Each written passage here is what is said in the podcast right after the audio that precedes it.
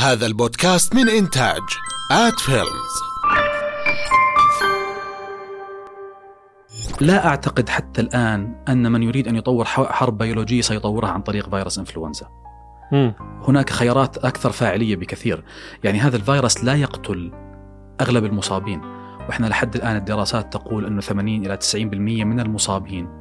يصابون بأعراض محدودة جدا وخفيفة جدا. مم. 10% تبدأ الأعراض بالازدياد عندهم و1% 2% تصبح الأعراض خطيرة جدا. تحياتي. أهلا وسهلا فيكم في حلقة جديدة من بودكاست شاي من عمان. بإمكانكم تسمعونا مثل العادة على منصتنا الأساسية على ساوند كلاود أو على أي منصة من المنصات الخاصة بالبودكاست مثل جوجل وأبل ستيتشر سبوتيفاي أنغامي وغيرهم. كمان بإمكانكم تشوفونا على فيسبوك وعلى يوتيوب. أما ضيفنا لليوم فهو دكتور محمد عبد الحميد القضاء. أهلا وسهلا فيك دكتور. أهلا وسهلا بكم. شكرا جزيلا. منورنا سيدي. أهلا. شكرا لك. نور نورك. الله يسعدك يا رب. شو قصة الكمامة؟ الكمامة. آه الكمامة حاليا في هذه الجائحة آه هي أفضل وسيلة دفاع آه للابتعاد عن المرض. آه طبعا أنا بحاول جدا ألتزم بالكمامة جميل. لكن يعني فيما أنه إحنا في مسافة متر ونصف تقريبا بيننا وفي مكان مفتوح فبيقدر بيقدر الواحد يعني قدر طيب. الإمكان يريح حاله منها لأنه الكمامة مع التباعد هم السلاح الرئيسي حاليا يعني. جميل. فإحنا لما نحكي للناس الكمامة هي لمنع الرذاذ من الخروج أو لمنع الرذاذ القادم من الدخول إلى المجال التنفسية. وبنحسب معدل آه، مسافة الرذاذ تقريبا متر ونصف. جميل. فلذلك إذا التزمت بمتر ونصف فأكثر. مع كمامة فنسبة الوقاية من الإصابة في المرض تصل إلى 90% حسب أغلب التوقعات والتحليلات حتى الآن. حتى الآن. حتى الآن ونشدد على حتى الآن. على قصة حتى الآن إحنا عشان نفهم شو عم بصير في هالدنيا بدنا نحاول نبسط الموضوع من أوله. نعم. فشو اللي قاعد بصير على سطح كوكب الأرض من 12 من ديسمبر السنة اللي فاتت إلى الآن؟ ماذا يحدث؟ هلا ممكن نقسم الروايات إلى روايتين. حلو. الرواية المعلنة والرواية التي سنكتشفها لاحقا بعد عشرات السنوات أو بعد سنوات من الآن. آه الرواية المعلنة هي أن الصين قالت أن هناك يعني مرضا ينتشر بشكل سريع. المرض هو مرض، نعرف كلنا تعريف المرض ما هو. م. لكن يصبح المرض وباء إذا زاد انتشاره في بقعة جغرافية معينة عن ال- الرقم المتوقع. م. مثلا نسميه مرض إذا انتشر بنسبة واحد بالألف مثلا بين الشعب بين الناس. ماشي. مثلا أنا هذه نسبة افتراضية. آه. إذا صارت النسبة 2 إلى ألف في بقعة جغرافية معينة يصبح وباء. أوكي. إذا توزع هذا الوباء على العالم على مناطق جغرافية مختلفة يصبح جائحة. تمام. نعم. فنحن في جائحة. لأن هذا المرض شمل بأعداد الكبيرة جدا شمل دول عديدة جدا مئات الدول مشمولة الآن في حتى سفن في عرض البحر. يعني كانت هي رحلات بحرية. أصيب بالمرض وبقي الركاب فيها إلى أن يعني نجا من نجا ويعني غادر من غادر مم. فالصين أعلنت بقى في فترة من فترات نهاية عام 2019 عن وجود مرض غريب آه، يرصده الأطباء معني بالجهاز التنفسي يصا... يعاني من يصابون به بأعراض آه، شديدة من الجهاز من أمراض الجهاز التنفسي مم. ويجب أن نميز في الجهاز التنفسي بين الجهاز التنفسي العلوي اللي هو الحجرات الأنف والحجرات الأنفية والحلق ومقدمة القصبة الهوائية والقصبات الهوائية والرئتين اللي هي الجهاز التنفسي السفلي نعم. وهو الأخطر نعم بمجرد أن يصل الوباء أو يصل عفوا الجرثومة إلى الجزء السفلي من الجهاز التنفسي تبدأ الأعراض بالشدة والمرض بالتطور بشكل سريع. مم. فرصدت الصين وجود عدد كبير من هذه الحالات فأعلمت أو أعلنت وأعلمت منظمة الصحة العالمية. منظمة الصحة العالمية بدأت بالمتابعة صنفت المرض على أنه وباء بعد حين. ثم آه، بدأت الناس في الانتشار من الصين إلى العالم آه، بعد الإعلان ولا نعلم كم كان قبل الإعلان أصلا يعني قبل آه. إعلان الصين. آه. وهنا هنا دائما هنا ستكون ال ال يعني الثغرة التي سنكتشف أننا قد نكون تعرضنا إلى موجات سابقة من المرض فيها. آه، سافر الناس من الصين إلى دولهم وانتقلت العدوى مع كل شخص منهم إلى دولته وحصل الذي حصل أن العالم كله الآن يشهد هذه العدوى من آه، هذا الفيروس المستجد. طب دكتور حضرتك تخصصك آه، علم أمراض أساسا نعم. صحيح؟ نعم. بناء على ذلك أو يعني أنت أعطيتني الرواية ال- ال- ال- إيش بدي أحكيها المنتشرة أو العلمية ال- اللي العالم متقبلها حتى الآن الروايات التي تقول إنه قد يكون بداية حرب بيولوجية أو قد يكون تسرب من مختبر معين أو قد يكون خلال تجارب آه، صارت أو جماعة نظرية المؤامرة اللي أنت بتس... تصفهم بأصحاب الرؤوس المربعة. إيش احتمالية أو إيش ليش إحنا ما بدنا نصدق هاي الاحتمالات الأخرى؟ ليش ماخذين هاي الرواية فقط؟ نعم. الآن بغض النظر عن المصدر للفيروس هل هو مؤامرة؟ هل هو تسريب بيولوجي؟ هل هو حرب هو هذا- ليس ال- العالم في هذه اللحظة. أولوية العالم هو أن ينجو من الإصابة بهذا ال- المرض. آه، هل هو مستبعد؟ لا، ممكن يكون موجود. لا أعتقد حتى الآن أن من يريد أن يطور حرب بيولوجية سيطورها عن طريق فيروس إنفلونزا. مم. هناك خيارات أكثر فاعلية بكثير، يعني هذا الفيروس لا يقتل أغلب المصابين، وإحنا لحد الآن الدراسات تقول أنه 80 إلى 90% من المصابين يصابون بأعراض محدودة جدا وخفيفة جدا، مم. 10% تبدأ الأعراض بالازدياد عندهم، و1% 2% تصبح الأعراض خطيرة جدا، فهو ليس فيروس مخصص للحرب البيولوجية قطعا، مم. خطورته في سرعة العدوى. هو معدي بشكل أكبر من الفيروسات الإنفلونزا التي اعتدناها نعم. لذلك سرعة انتشاره أعلى لما ينتشر بشكل أعلى سيكون عدد الإصابات أكثر فنسبة عدد الإصابات عند ذوي الاختطار العالي تكون أعلى فسيحصل ضغط في لحظة من اللحظات على المرافق الصحية. لذلك ليس هو الفيروس الأمثل ليكون آه، آه، آه، يعني سلاحا في الحرب البيولوجية، إنما لا أستبعد أن هناك يعني بنسميها manipulation في فيروس معين صار. ال manipulation الأخطر من ال manipulation العلمي أو يدخل في حدا مختبر هو المانيبيوليشن الذي أو التلاعب الذي يحصل بفطرة الإنسان. وأنا معتقد أن هناك توازن طبيعي يعني أكرمنا الله به كل آه، كائن بشري يلتزم حدوده لن آه، تختل الموازين الطبيعية. للأسف الشديد في بؤر في العالم اختل فيها التوازن الفطري فأصبحت معرضة لإصابات أكثر بكثير من آه، من غيرها من من المجتمعات الأخرى بأمراض غير موجودة سابقا بأمراض مستجدة لأن الفيروس رغم بساطته إلا أنه كائن يستطيع استغلال أي فرصة أو أي مساحة متاحة له ليطور نفسه لأنه هذا السباق على ال- الحياة هو يرغب بالبقاء قدر الإمكان في حياة. فلا أستبعد وجود خلل. لكن هذا ليس أولويتنا ابدا حاليا. أولويتنا هي النجاة. حتى هذا جواب دبلوماسي شوي. يعني انت أنت آه، كمختص يمكن مش هي أولويتك لكن أنا ك مواطن عادي عادي بشر عادي غير مختص بحاول أفكر إيش اللي قاعد بيصير عشان أفهم يعني أتحرك باتجاه ما.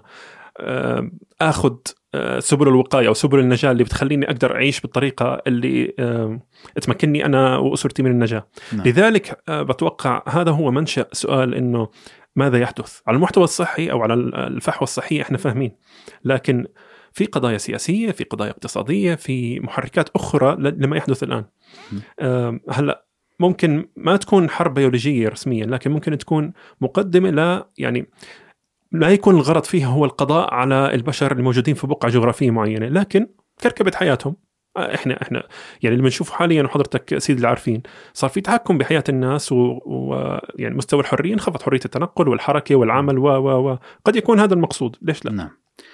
آه، إذا بدك تحكي عن آه، شيء سياسي واقتصادي ففي إخفاء المعلومات خطر أكثر من إظهارها. يعني الصين قناعتي أنا وليست هذه معلومة أكيدة أنا أقول آه، نعم، نعم. أتحدث بقناعة شخصية م. الصين أخفت آه، أخبار المرض لأشهر قناعتي.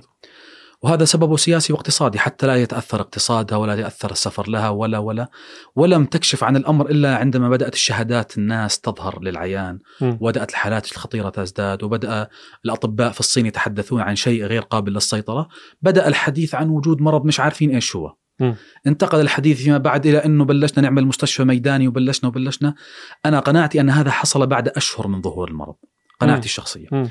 فهنا تأتي المؤامرة السياسية الاقتصادية نعم هي أخرت أنا قناعتي أنها أخرت أيوه.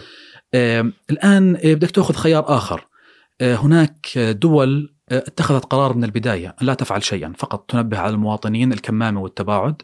وراح نخالف أي حدا آه، ما بيلتزم وخلص المواطن يدبر حاله هذا خيار على فكرة كان بالإمكان فعله هنا لحظه من اللحظات مم. آم، ال- آه، التشديد الذي حصل أنا لا أعتقد أن هناك مردود مادي حقيقي للحكومات المحلية من هذا التشديد أنا قناعتي لا. لما تسأل الخبراء الاقتصاديين بحكي لك حظر اليوم الواحد يكلف الدولة خسائر 30 مليون دينار بدل بنزين مثلا بدل أرباح من البنزين. مم. الدولة أولى فيهم. هذا هذا أجوبة الخبراء الاقتصاديين. أنا لا أعتقد أن هناك آه، نية مبيتة لتقييد الحرية لكن آه، نعم تغيرت حياتنا كلها. كل حياتنا تغيرت ونحن بطبعنا تعودنا على الرخاء رغم كل الشدائد. آه. كل الشدائد التي مرت في المجتمع حقيقة لم يصل أي منها إلى درجة التشديد الذي حصل الآن وهذا التشديد له إيجابيات وله سلبيات ربما نتحدث عنها لاحقا. لكن أنا قناعتي نعم تغير نظام الحياة تاعنا عدنا إلى نظام الحياة الفطري المبني على التباعد لمسافة معينة المبني على التقليل من المناسبات الاجتماعية غير المبررة هذا أنت بتعتبره فطري؟ أنا بعتبر أن الاختلاط الذي كنا نفعله في الأعراس والعزيات و و ليس هو الشيء الصحي للجسم الإنسان. ربنا أكرمنا بمناعة كانت تحمينا أثناء هذه الاختلاطات. لكن هذا ليس الواقع الذي يجب أن نعيش فيه دائما. يعني أنت كل اختلاط م. آه، واختلاط يعني أنا أتحدث فيه أقصد يعني وجود ناس في أماكن مغلقة بأعداد كبيرة هذا يعتبر اختلاط آه، يؤدي إلى زيادة نسبة نقل العدوى عن طريق الأجهزة التنف... الجهاز التنفسي. هذا نحن بالغنا به. إحنا عندنا علينا تكلفة اقتصادية عالية جدا من الأفراح والأتراح واحتفالات النجاح واحتفالات آه، متعددة جدا أصبحت تشكل تكلفة اقتصادية علينا م. وعبء فوق العبء الصحي الذي كانت تشكله وجسمنا يخوض مئات المعارك يوميا بالنيابه عنا دون أن نعرف عنها م. آن الأوان أن نعرف أن الجسم له حدود لا يستطيع أحيانا السيطرة على كل شيء وأن نعود خطوة للوراء في تقليل وتقنين المناسبات. أنا وأنت نعرف أن المناسبات الاجتماعية إذا حاولنا نركض وراها كلها لن اليوم كله راح يتعبى. يوميا في أتراح يوميا في أفراح يوميا في تخرجات يوميا في انتقال من سوق الطلاب إلى سوق البطالة وهذا لازم تروح تبارك له أنه خلص طالب هو.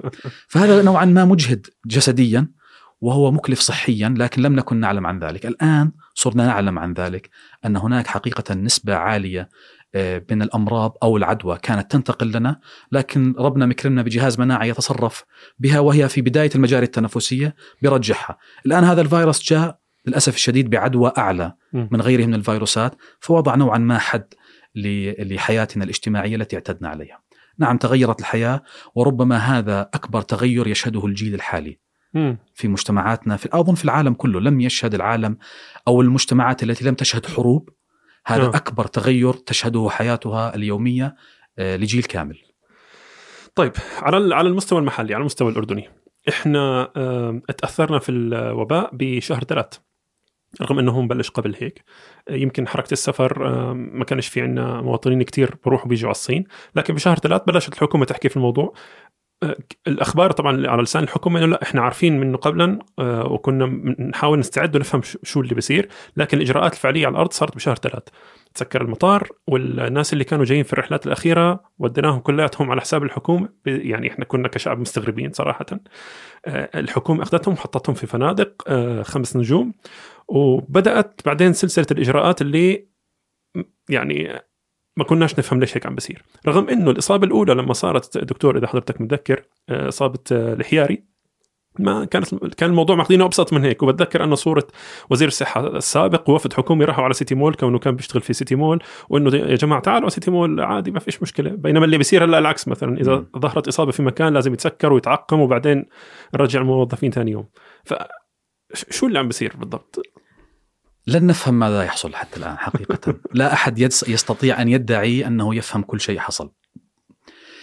آه، حقيقة آه، حتى نكون منصفين يجب أن نقول ما لنا وما علينا. جميل. من كل الفئات.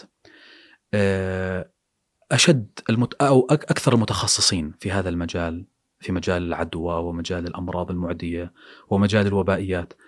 حسب الأخبار التي كانت تصدر من الصين وحسب تقارير منظمة الصحة العالمية لم يكن يتوقع أن يصل الوباء أو أن يصبح جائحة ويصل إلينا ما كنا نتوقع يعني أنا كمتخصص نوعا ما كنت أحاول أن أتابع الأخبار ليس.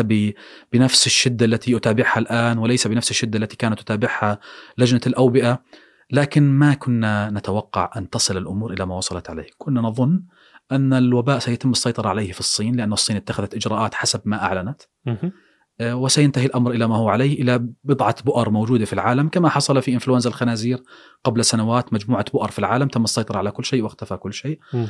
وكنا نتوقع أيضا أنه سيكون خلال ست أشهر آه، هناك اكتشاف لعلاج مم. واكتشاف لمطعوم ولن يصل تصل الأمور إلى ما وصلت عليه هذا قبل وصول الجائحة لنا هذا قبل إعلان منظمة الصحة العالمية أن الوباء آه. تحول إلى جائحة ماشي منظمة الصحة العالمية لما أعلنت أن الوباء تحول إلى جائحة الموضوع أصبح مقلقا يعني حقيقة يجب أن يكون هناك ردة فعل.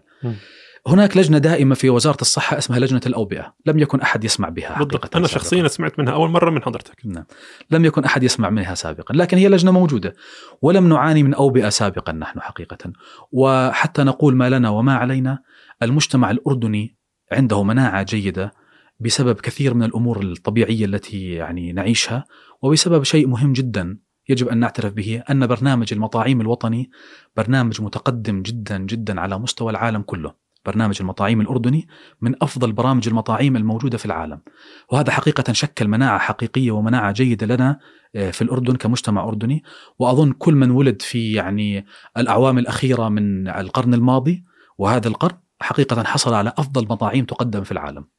مطاعيم اساسيه. اعذرني هذا حقيقة ولا مش مبالغات حقيقة, يعني؟ حقيقة أكيدة جدا. أقولها بحكم التخصص. طيب. نعم. نحن نملك برنامج مطاعيم وطني متقدم جدا جدا على مستوى العالم.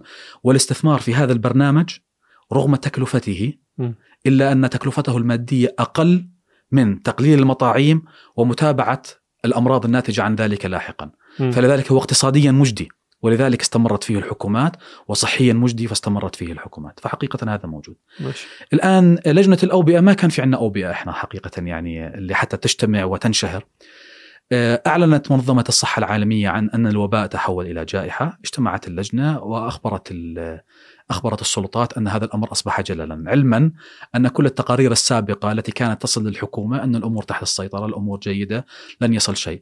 وفجأة بين ليلة وضحاها انتقل الأمر من حديث أن كل شيء تحت السيطرة إلى توصيات للحكومة يجب إغلاق البلد، يجب إغلاق المطار، يجب الحد، يجب فعل كذا. م. وأنا لا ألوم غير المتخصصين عندما يصابون بالصدمة، لأنه حقيقة أنت تتحدث مع سياسي واقتصادي وتقول له أنك يجب أن تغلق البلد ف- فجأة أو مباشرة، هذا يشكل عبء ذهني عليه. قبل أن يشكل عبء إداري على تنفيذ هذا ال- القرار.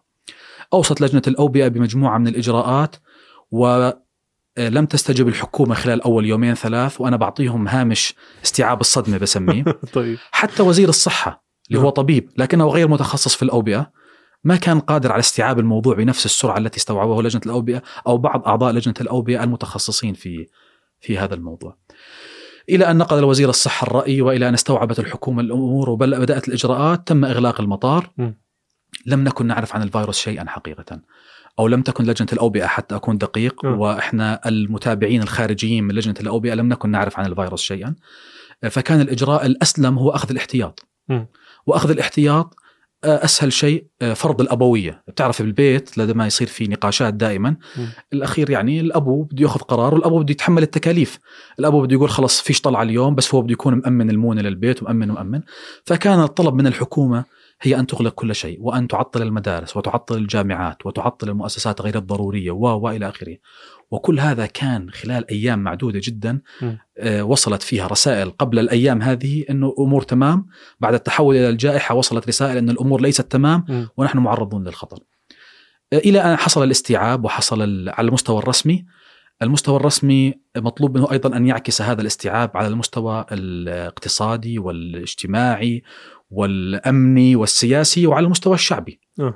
وأعترف حتى الآن لم نستطع أن نعكس هذا الأمر على المستوى الشعبي حتى آه، الآن. جميل ما إحنا تأخرنا في إقناع الناس بأهمية التباعد والكمامة.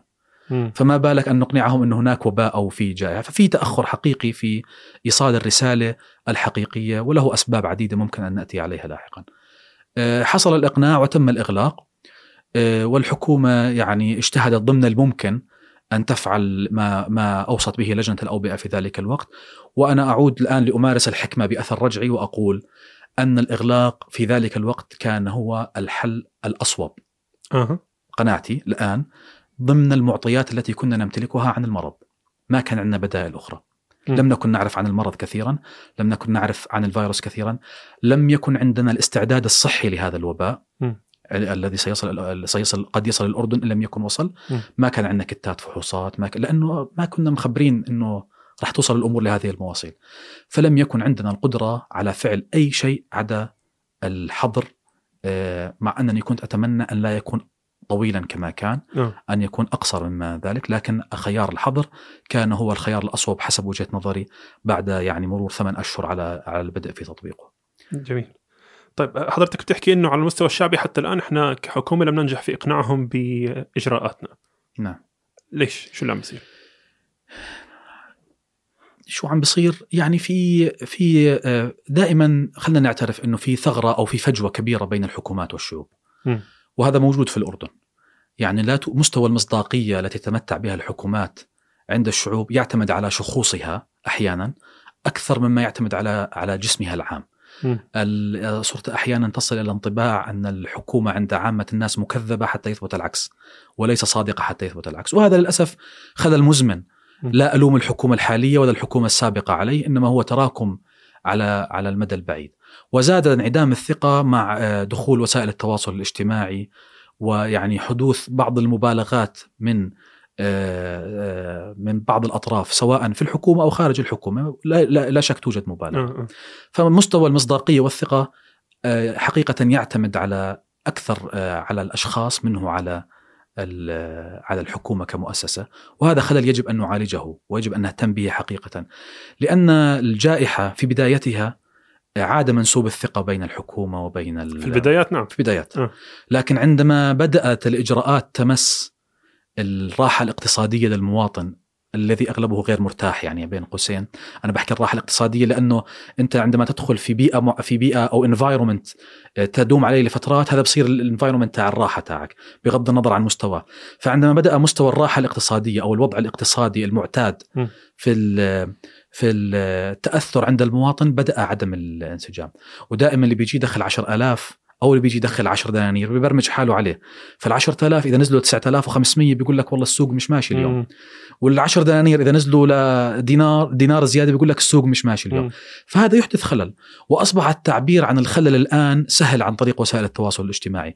وإذا أنت تابعت عبرت وجاء مع ان يعبر معك مرة ومرتين وثلاث وأربعة تصبح هناك ضجة وإزعاج وضوضاء في هذا الموضوع قد يسبب يعني آه، ضغطا غير مبرر أحيانا. م.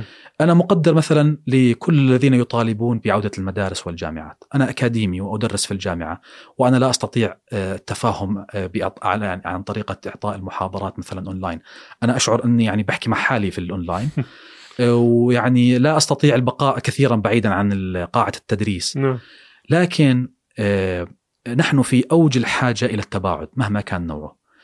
آه، التباعد بكل أشكاله هو وسيلة من وسائل آه، الوقاية من هذا المرض. نعم. وللأسف الشديد عندما أتحدث عن آه، الاستجابة نحن نجحنا في التباعد أحيانا عن طريق المدارس وعن طريق الجامعات مثلا وتعطيل المؤسسات الحكومية في بعض الأحيان لكن لم ننجح بإقناع من باعدناهم انهم ما يطلعوا رحلات آه وما يختلطوا في المولات م. هذه هي الفجوة التي أتحدث عنها أننا لم نستطع إيصال رسالة حقيقية أن التباعد هو للحماية وليس التباعد هو لتخريب العمل أو كذا. لا التباعد هو حتى نضمن أن لا يحدث أي آه، تخالط أو اختلاط في مسافات قريبة يزيد من نسبة العدوى.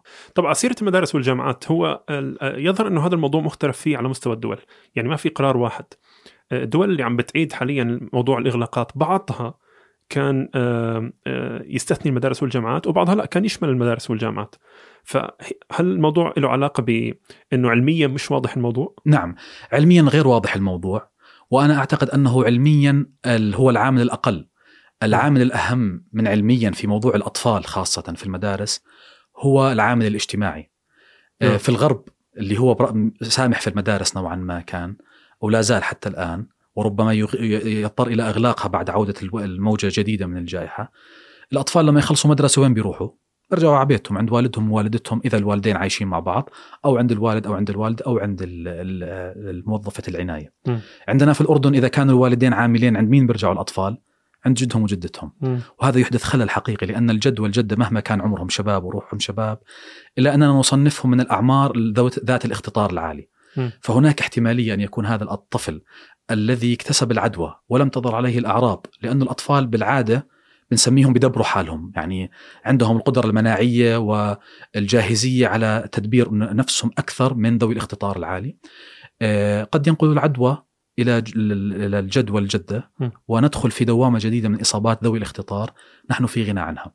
فالحقيقة رغم كل تقديري لظروف العاملين الأبوين الوالدين الأب والأم العاملين وهم نسبة جيدة من المجتمع الأردني إلا أن حقيقة آه، فرصة وجود آه، نقل عدوى من الأطفال إلى ذوي الاختطار العالي موجودة م.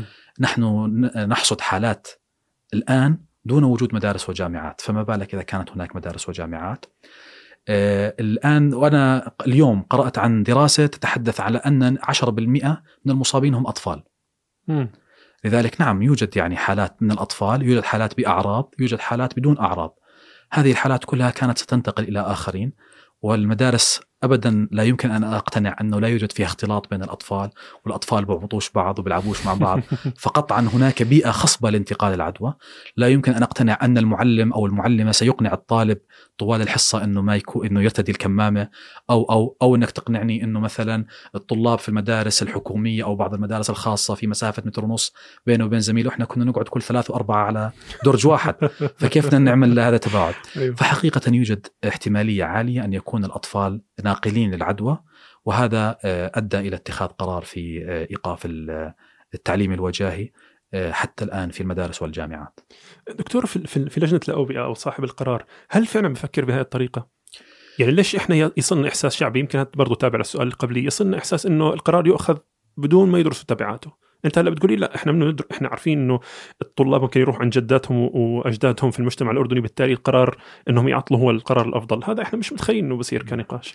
لا أنا بدي أحكي عن إحنا أنا أقصد نفسي لأن أنا لست عضوا في أي آه، شيء ماشي. رسمي ماشي آه، لكن إحنا أحيانا بتيجي ك نتواصل مع بعض يعني أحيانا كمتخصصين نتواصل مع بعضنا ك من باب الزمالة ويعني أنا أدعي أن هناك جهدا حقيقيا مبذولا في تحليل وتفنيد بعض الأمور. لكن هناك قرارات لن- تعجب الجميع. يعني هذه القرارات لا تعجب الجميع. أنا من الأشخاص الذين يتاثر دخلهم المادي بشكل كبير جدا. مم. وأنا يعني يعني في أثر مادي لكن عندما تقيسه بالأثر الصحي أنا من ذوي الاختطار مثلا. عندي م. بنتي ذوي اختطار زوجتي ذوي اختطار. هل الأثر الصحي مهم؟ نعم مهم جدا. هناك القرارات يجب أن نصنفها آه، عندما نمارس الحكمة بأثر رجعي أيضا. م. يجب أن نصنفها قرارات ناجحة في ملف الكورونا. لكن يجب أن نقيس أثرها في الملف الصحي العام وفي ملف أهم هو الاقتصادي والاجتماعي والأمني والسياسي. م.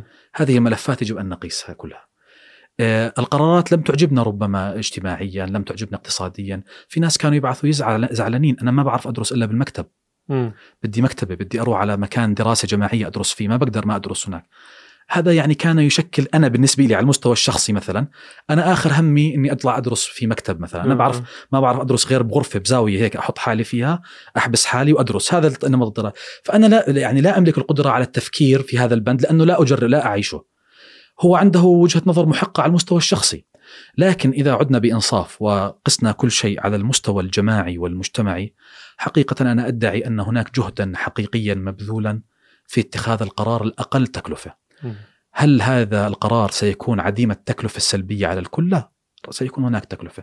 لكن دعنا نعترف ونحن يعني إن شاء الله آه، في يعني مجال هيك مكاشفة. تمام. بدنا نسميها نشلح الطاقية الخاصة ونلبس طاقية الوطن كلياته. ولا المجتمع كله. مستوى الشكوى أصبح أعلى بكثير مما كنا معتادين عليه وأصبح الشخص إذا لم يعجبه شيء يبث الشكوى مباشرة دون يعني دون محاولة التأقلم. وما عزز ذلك هو الوضع الاقتصادي الصعب لكل مستويات الشعبية وللدولة بكلها. الدولة لا تستطيع تغطية العجز الاقتصادي الذي حصل بسبب الجائحة وهذه نقطة ضعف عند الدولة طبعا. والمواطن بالأخير بيقول لك أنا شو ذنبي؟ أنا فوق ما أنا وضعي صعب بدك تزيد لي مم. فأنت أحيانا لا لا تستطيع لومه. لكن بنفس الوقت واجبك أن توصل له الرسالة الصحية الصحيحة وأن تقنعه بها. فأن اقتنع فبها ونعمت. فإن لم يقتنع فأحيانا يجب أن تصل إلى قاعدة أن البقاء للأوعى مم. ومن يلتزم سينجو إن شاء الله. آه، لكن لن تعجب القرارات مهما كان نوعها أحدا أو المجموعة عفوا. قد تعجب مجموعة لكنها لن تعجب الجميع. وهذا ما يجب أن نحاول أن يعني نجد آه، قاعدة مشتركة عن طريق توسيع آه، آه، فئات اتخاذ القرار. جميل. طيب سيدي أه، أتوقع يعني دأبك دكتور أه، في في كتاباتك اللي على الأقل أنا بتابعها على وسائل التواصل إنه مش حقول بتهاجم لكن بتشوف إنه بتشوف إنه الطخ لازم يجي على الناس أكثر من الحكومة وبتحاول توجه أو تشعر الناس إنه أنتم عليكم دور. مش حقول بتشعرهم بالذنب أو تشعرهم إنهم غلطانين لكن بتحاول توجه ال- ال- الكلام السلبي تجاه الناس. إنه دعكم من الحكومة وزبطوا حالكم. واضح إنك بتعملوا عن عمد. ليش؟ طيب لا هو ليس دعكم من الحكومة. آه، لا أريد أن أقول أنني يائس من الإصلاح على المستوى ال- الحكومي لأن هذا فيه يعني نوعا ما جحود لجهود كثيرة تبذل. آه، لكن الاستثمار في إصلاح الشعب والأفراد هو يعني مثمر أكثر على المدى البعيد من الاستثمار في توجيه اللوم فقط للحكومة. آه، أحيانا ربما يفهم الكلام ب ب بتطرف يعني ممكن لما يفهم إنه يعني مهاجمة لكن هو ليس مهاجمه هو من باب العتب والاخير يعني آه، كلنا يعني ينطبق علينا قوم قول سيدنا أحمد بن حنبل نحن قوم مساكين لولا ستر الله لافتضحنا. آه، الآن في الجائحة مثلا آه، الدول التي تعرضت لموجات عنيفة هل انهارت؟ لا لم تنهار، الدولة ستبقى. مم. المجتمع هل اختفى؟ لا لم يختفي. لكن الأفراد الذين ماتوا ماتوا. مم. الخسارة الحقيقية في الجائحة هي على الفرد. وإذا لم تخاطب الفرد وتضعه أمام آه، خطورة الوضع فأنت مقصر في يعني الرسالة الحقيقية. قناعتي الأخرى وربما يعني أختلف ويختلف معي الكثيرون بها، م. أنا مقتنع بالنص الذي يقول أنه كما تكونوا يولى عليكم. ونحن آه، بغض النظر عن آلية التمثيل التي تمثلنا وهي ليست انتخابية مثلا لا ننتخب حكوماتنا إلا أنها هي إفرازاتنا بالأخير إفرازاتنا اليومية. ومن يعمل في العمل الإداري في المجتمع الأردني سيعرف أن هذا الإفراز يساوي أو يزيد قليلا عن الواقع الحقيقي الموجود عندنا في المجتمع. فلست أنا يعني أتهم أحدا لكن أقول هذا أصبح طبعا. وهذا الطبع جاء بسبب التطبع الذي عشناه خلال السنوات الماضية كلها فأصبح هذا عادة. فصارت الناس تقول اللي ما عندوش واسطة حقه ضايع. مم. هذا أصبحت القاعدة. خلاص جيب واسطتك قبل دراستك. هذه أصبحت القاعدة. علما أنها لا- ليست يعني بنفس تلك الفعالية التي نتداولها لكن هذا موجود. أنا قناعتي أنه كما تكون يولى عليكم ولن نس- نستطيع آه، آه، يعني إحداث تغيير حقيقي ما لم نتغير نحن من الداخل وأن الله لا يغير ما بقوم حتى يغيروا ما بأنفسهم. هذه قناعات.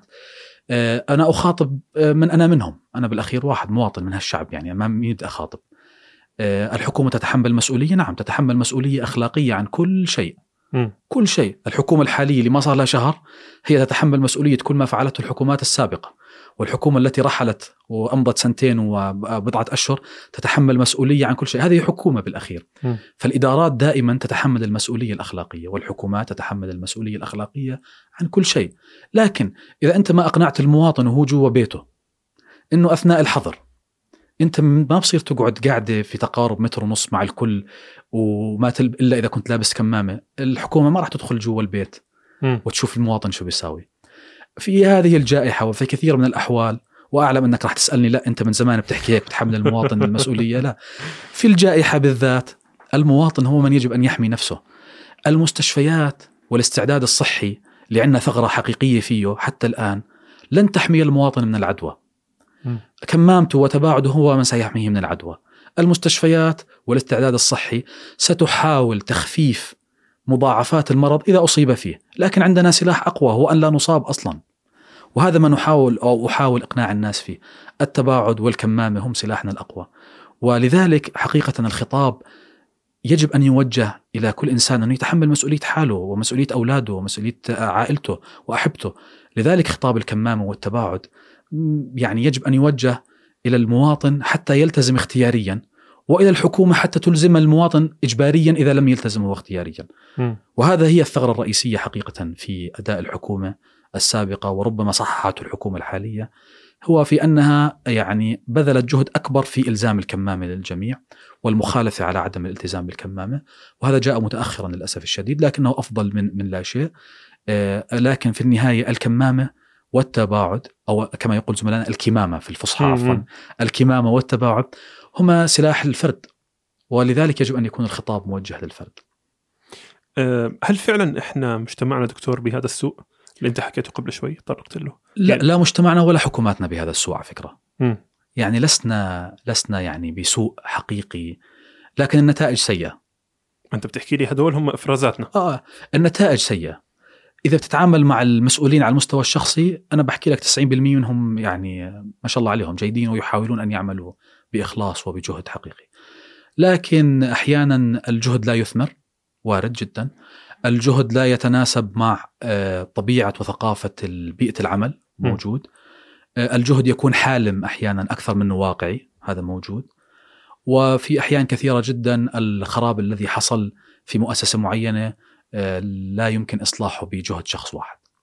فنحن لا نحن ولا ال- الأشخاص المسؤولين عنا يعني بهذا السوء، لكن حالنا ليس كما نريد، لكن دعنا نكون منصفين ليس بالسوء الذي يعني نرى به دولا كثيره محيطه بنا. هناك قدرة حقيقية على أن نفعل شيئا إذا أردنا جميعا أن نفعله. أما إذا أراد شخص أن يفعل شيئا لوحده لن يحصل شيء.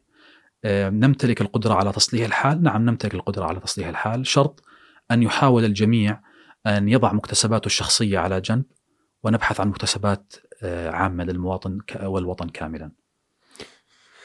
يعني في كلام كثير ممكن يحكى في هذه النقطة بس آه، جاهز أحكي. يعني آه، أنت طرقت عدة نقاط ممكن تكون الحل حالم ممكن يكون غير حقيقي ممكن ممكن ممكن. بس دكتور هذه الاحتمالات يعني صار لها سنوات كثيرة جدا ما عم بتغير الحال. أنا عارف إني برضو أنا عم بحكي كلام عام بس أتوقع إنك أنت فاهم مقصدي. ما في شيء عم بتغير. ناخذ مثال؟ هات. كان عندنا في الأردن مشروع حالم جدا أسس سنة 1987 اسمه المؤسسة الطبية العلاجية. ماشي. المؤسسة الطبية العلاجية تعني أن كل المؤسسات الصحية في المملكة تتبع لإدارة واحدة سواء كانت جامعية أو حكومية آه، أو عسكرية. ماشي الحال؟ مهم. ويحق للمواطن يروح يراجع وين ما بده ويتلقى العلاج بنفس المستوى وبتأمين صحي. تمام؟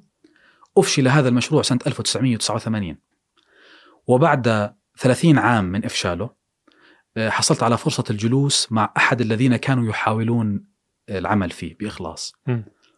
وقال بالحرف الواحد أننا للأسف الشديد لم نستطع إنجاح هذا- المشروع لأن كل فئة من فئات هذه المؤسسات الصحية أرادت الحفاظ على مكتسباتها الشخصية وخشيت أن تذهب مكتسباتها الشخصية إذا توحدت المؤ- المؤسسات الصحية في مؤسسة آه، واحدة هذا حصل. وموجود. وأظن أننا نملك القدرة الآن على يعني ذكر تفاصيله آه، عندما يحين الوقت قريبا جدا أعتقد لأن هناك مشروع آخر تقدم به مجموعة كثير مجموعة من المتخصصين مع نهاية العام الماضي وبداية هذا العام إلا أن الجائحة أبطأت من العمل فيه. وهو إعادة إحياء روح المؤسسة الطبية العلاجية. ومن جديد للأسف الشديد ومع وجود هذا الشخص الذي قال بالحرف الواحد أمام رئيس الوزراء أننا أفشل أفشل هذا المشروع لأن كل طرف حاول الحفاظ على مكتسباته الشخصية. ورئيس الوزراء قال سنحاول تحقيق مكتسبات شخصية متساوية لجميع الفئات. سيروا على بركة الله. م. وجد هذا المشروع مقاومة شديدة جدا من بعض أصحاب القرار في المستوى الثاني والثالث من المؤسسات الصحية العسكرية والحكومية والجامعية. آه، حتى لا ينجح لأن كل فئة تريد الحفاظ على مكتسباتها وتخشى أن يكون لهذا ال- العمل الذي سيعود في النهاية. هي لا تخشى أن تقدم خدمة إيجابية للمواطن لا. م. أنا أقول حتى أكون واضح تخشى أن يؤثر على مكتسباتها الشخصية. هذا الآن أصبح وإذا بتجتمع بكل شيء أو بكل مشروع يحدث بدنا نحافظ على مكتسبات الناس اللي موجودة حاليا. هذا هو ال rate limiting step صارت عندنا في في أي عمل. فلذلك هذا ما أقول لك أن هناك مكتسبات شخصية وفردية أو مجمو- جم- مجموعية لفئات معينة هي ما تحد من أي عمل آه، تقدم. الآن قد قدمت الهيئة أو اللجنة المشكلة لإحياء روح المؤسسة الطبية العلاجية تصورها م. وللأسف الشديد آه، مع وجود بعض المعارضة إلا أن رئيس الوزراء فرض هذا الموضوع فرضا على كافه الكوادر إلى أن جاءت الجائحة وأوقفت العمل في هذا ما عاد في عندنا قدرة نفكر بهذا الموضوع نعم نعم علما أن العمل الميداني حاليا أثبت أن هذا الموضوع قابل للتطبيق وأن تضافر المؤس... المؤسسات الصحية الحكومية والعسكرية والجامعية هو ما سينجي المجتمع ويقدم خدمة أفضل له، هذا الآن الخدمات الطبية بتخدم في الكورونا وبتخدم جميع المواطنين، والمستشفيات الجامعية بتخدم جميع المواطنين، المستشفيات الحكومية بتخدم جميع المواطنين.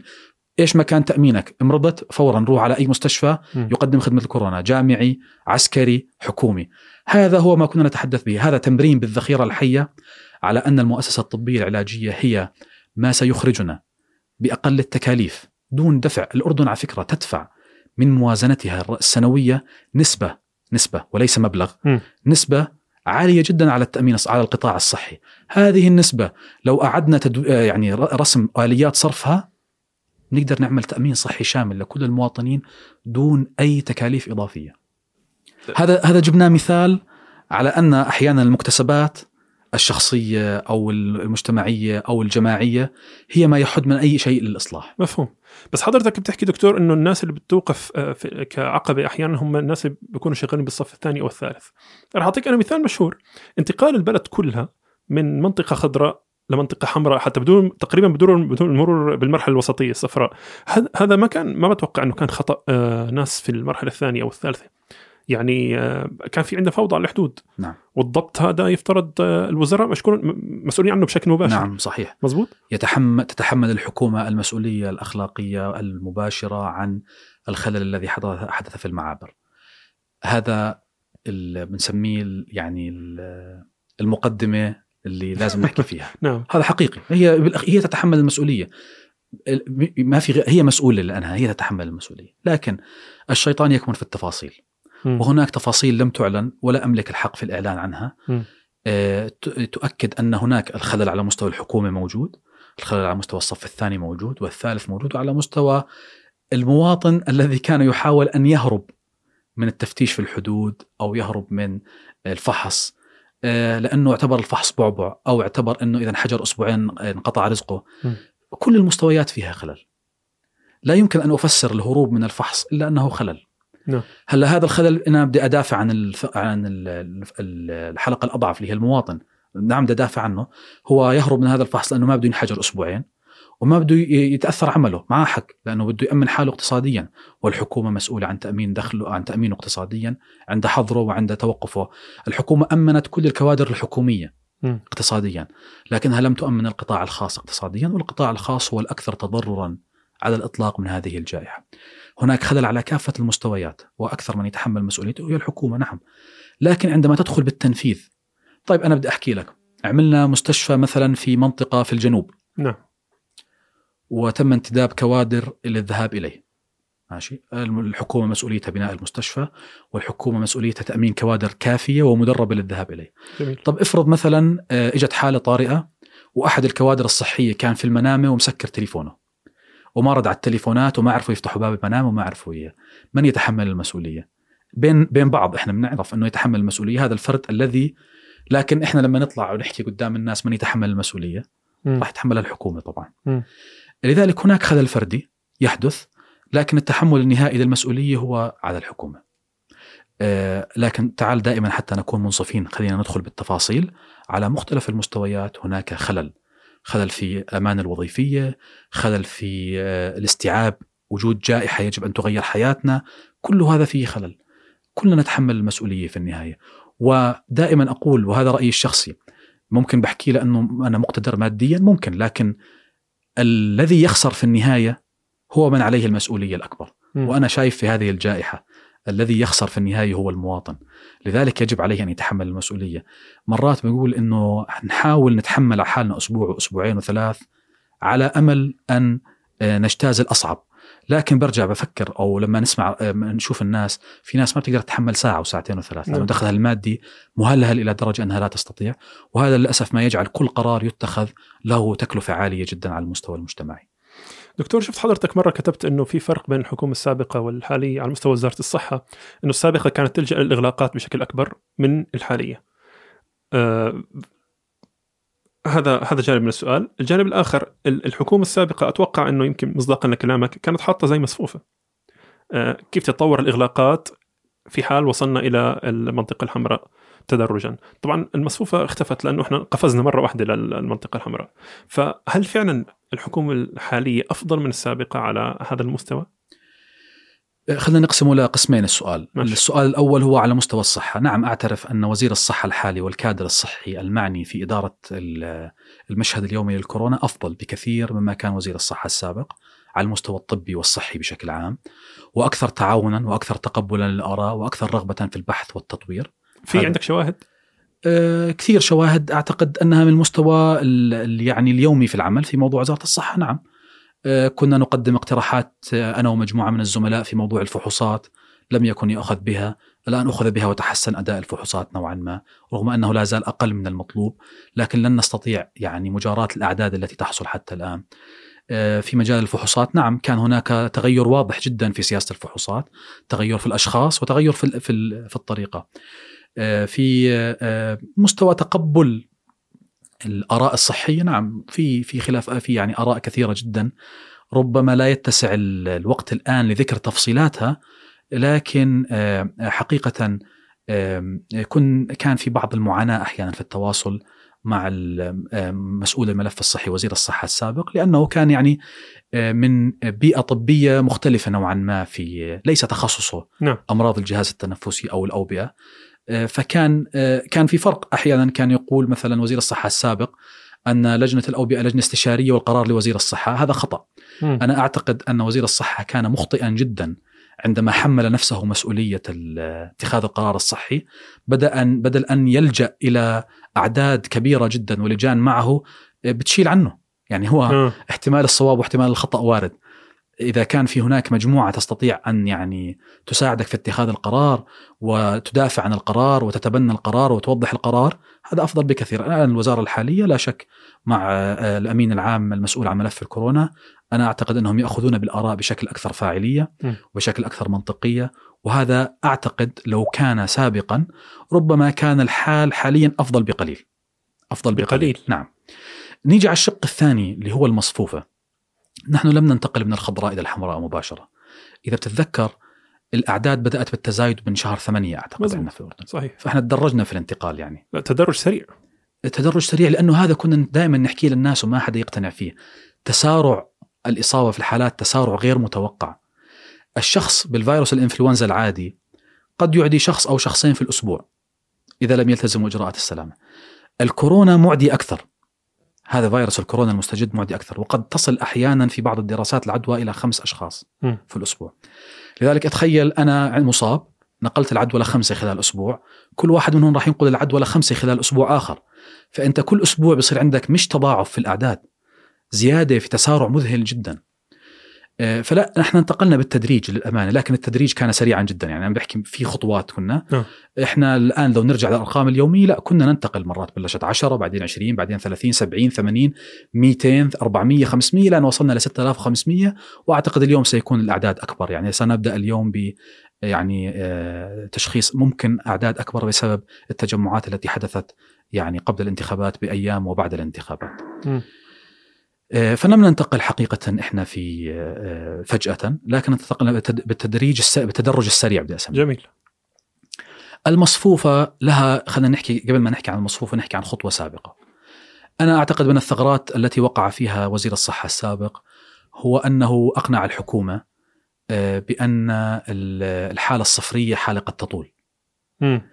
علما أنه كان من الواجب أن نقنع الحكومة ونقنع المواطن أن الحالة الصفرية هي الاستثناء في الجائحة م. والانتشار هو الأساس في الجائحة م. في حال عدم الالتزام وفتح المعابر لا يأتي مجانا لا يمكن أن تسيطر على كل المعابر إذا سيطرت على معابر المطار فالخلل ليس فيها الخلل في معابر البرية المعابر البرية عدم الالتزام فيها وعدم الضبط فيها نسبته أعلى سواء من الموظفين فيها أو من القادمين عن طريق المعابر البرية فهذا وارد جدا أن لا يكون هناك يعني آه، آه، سيطرة تامة في المعابر البرية م.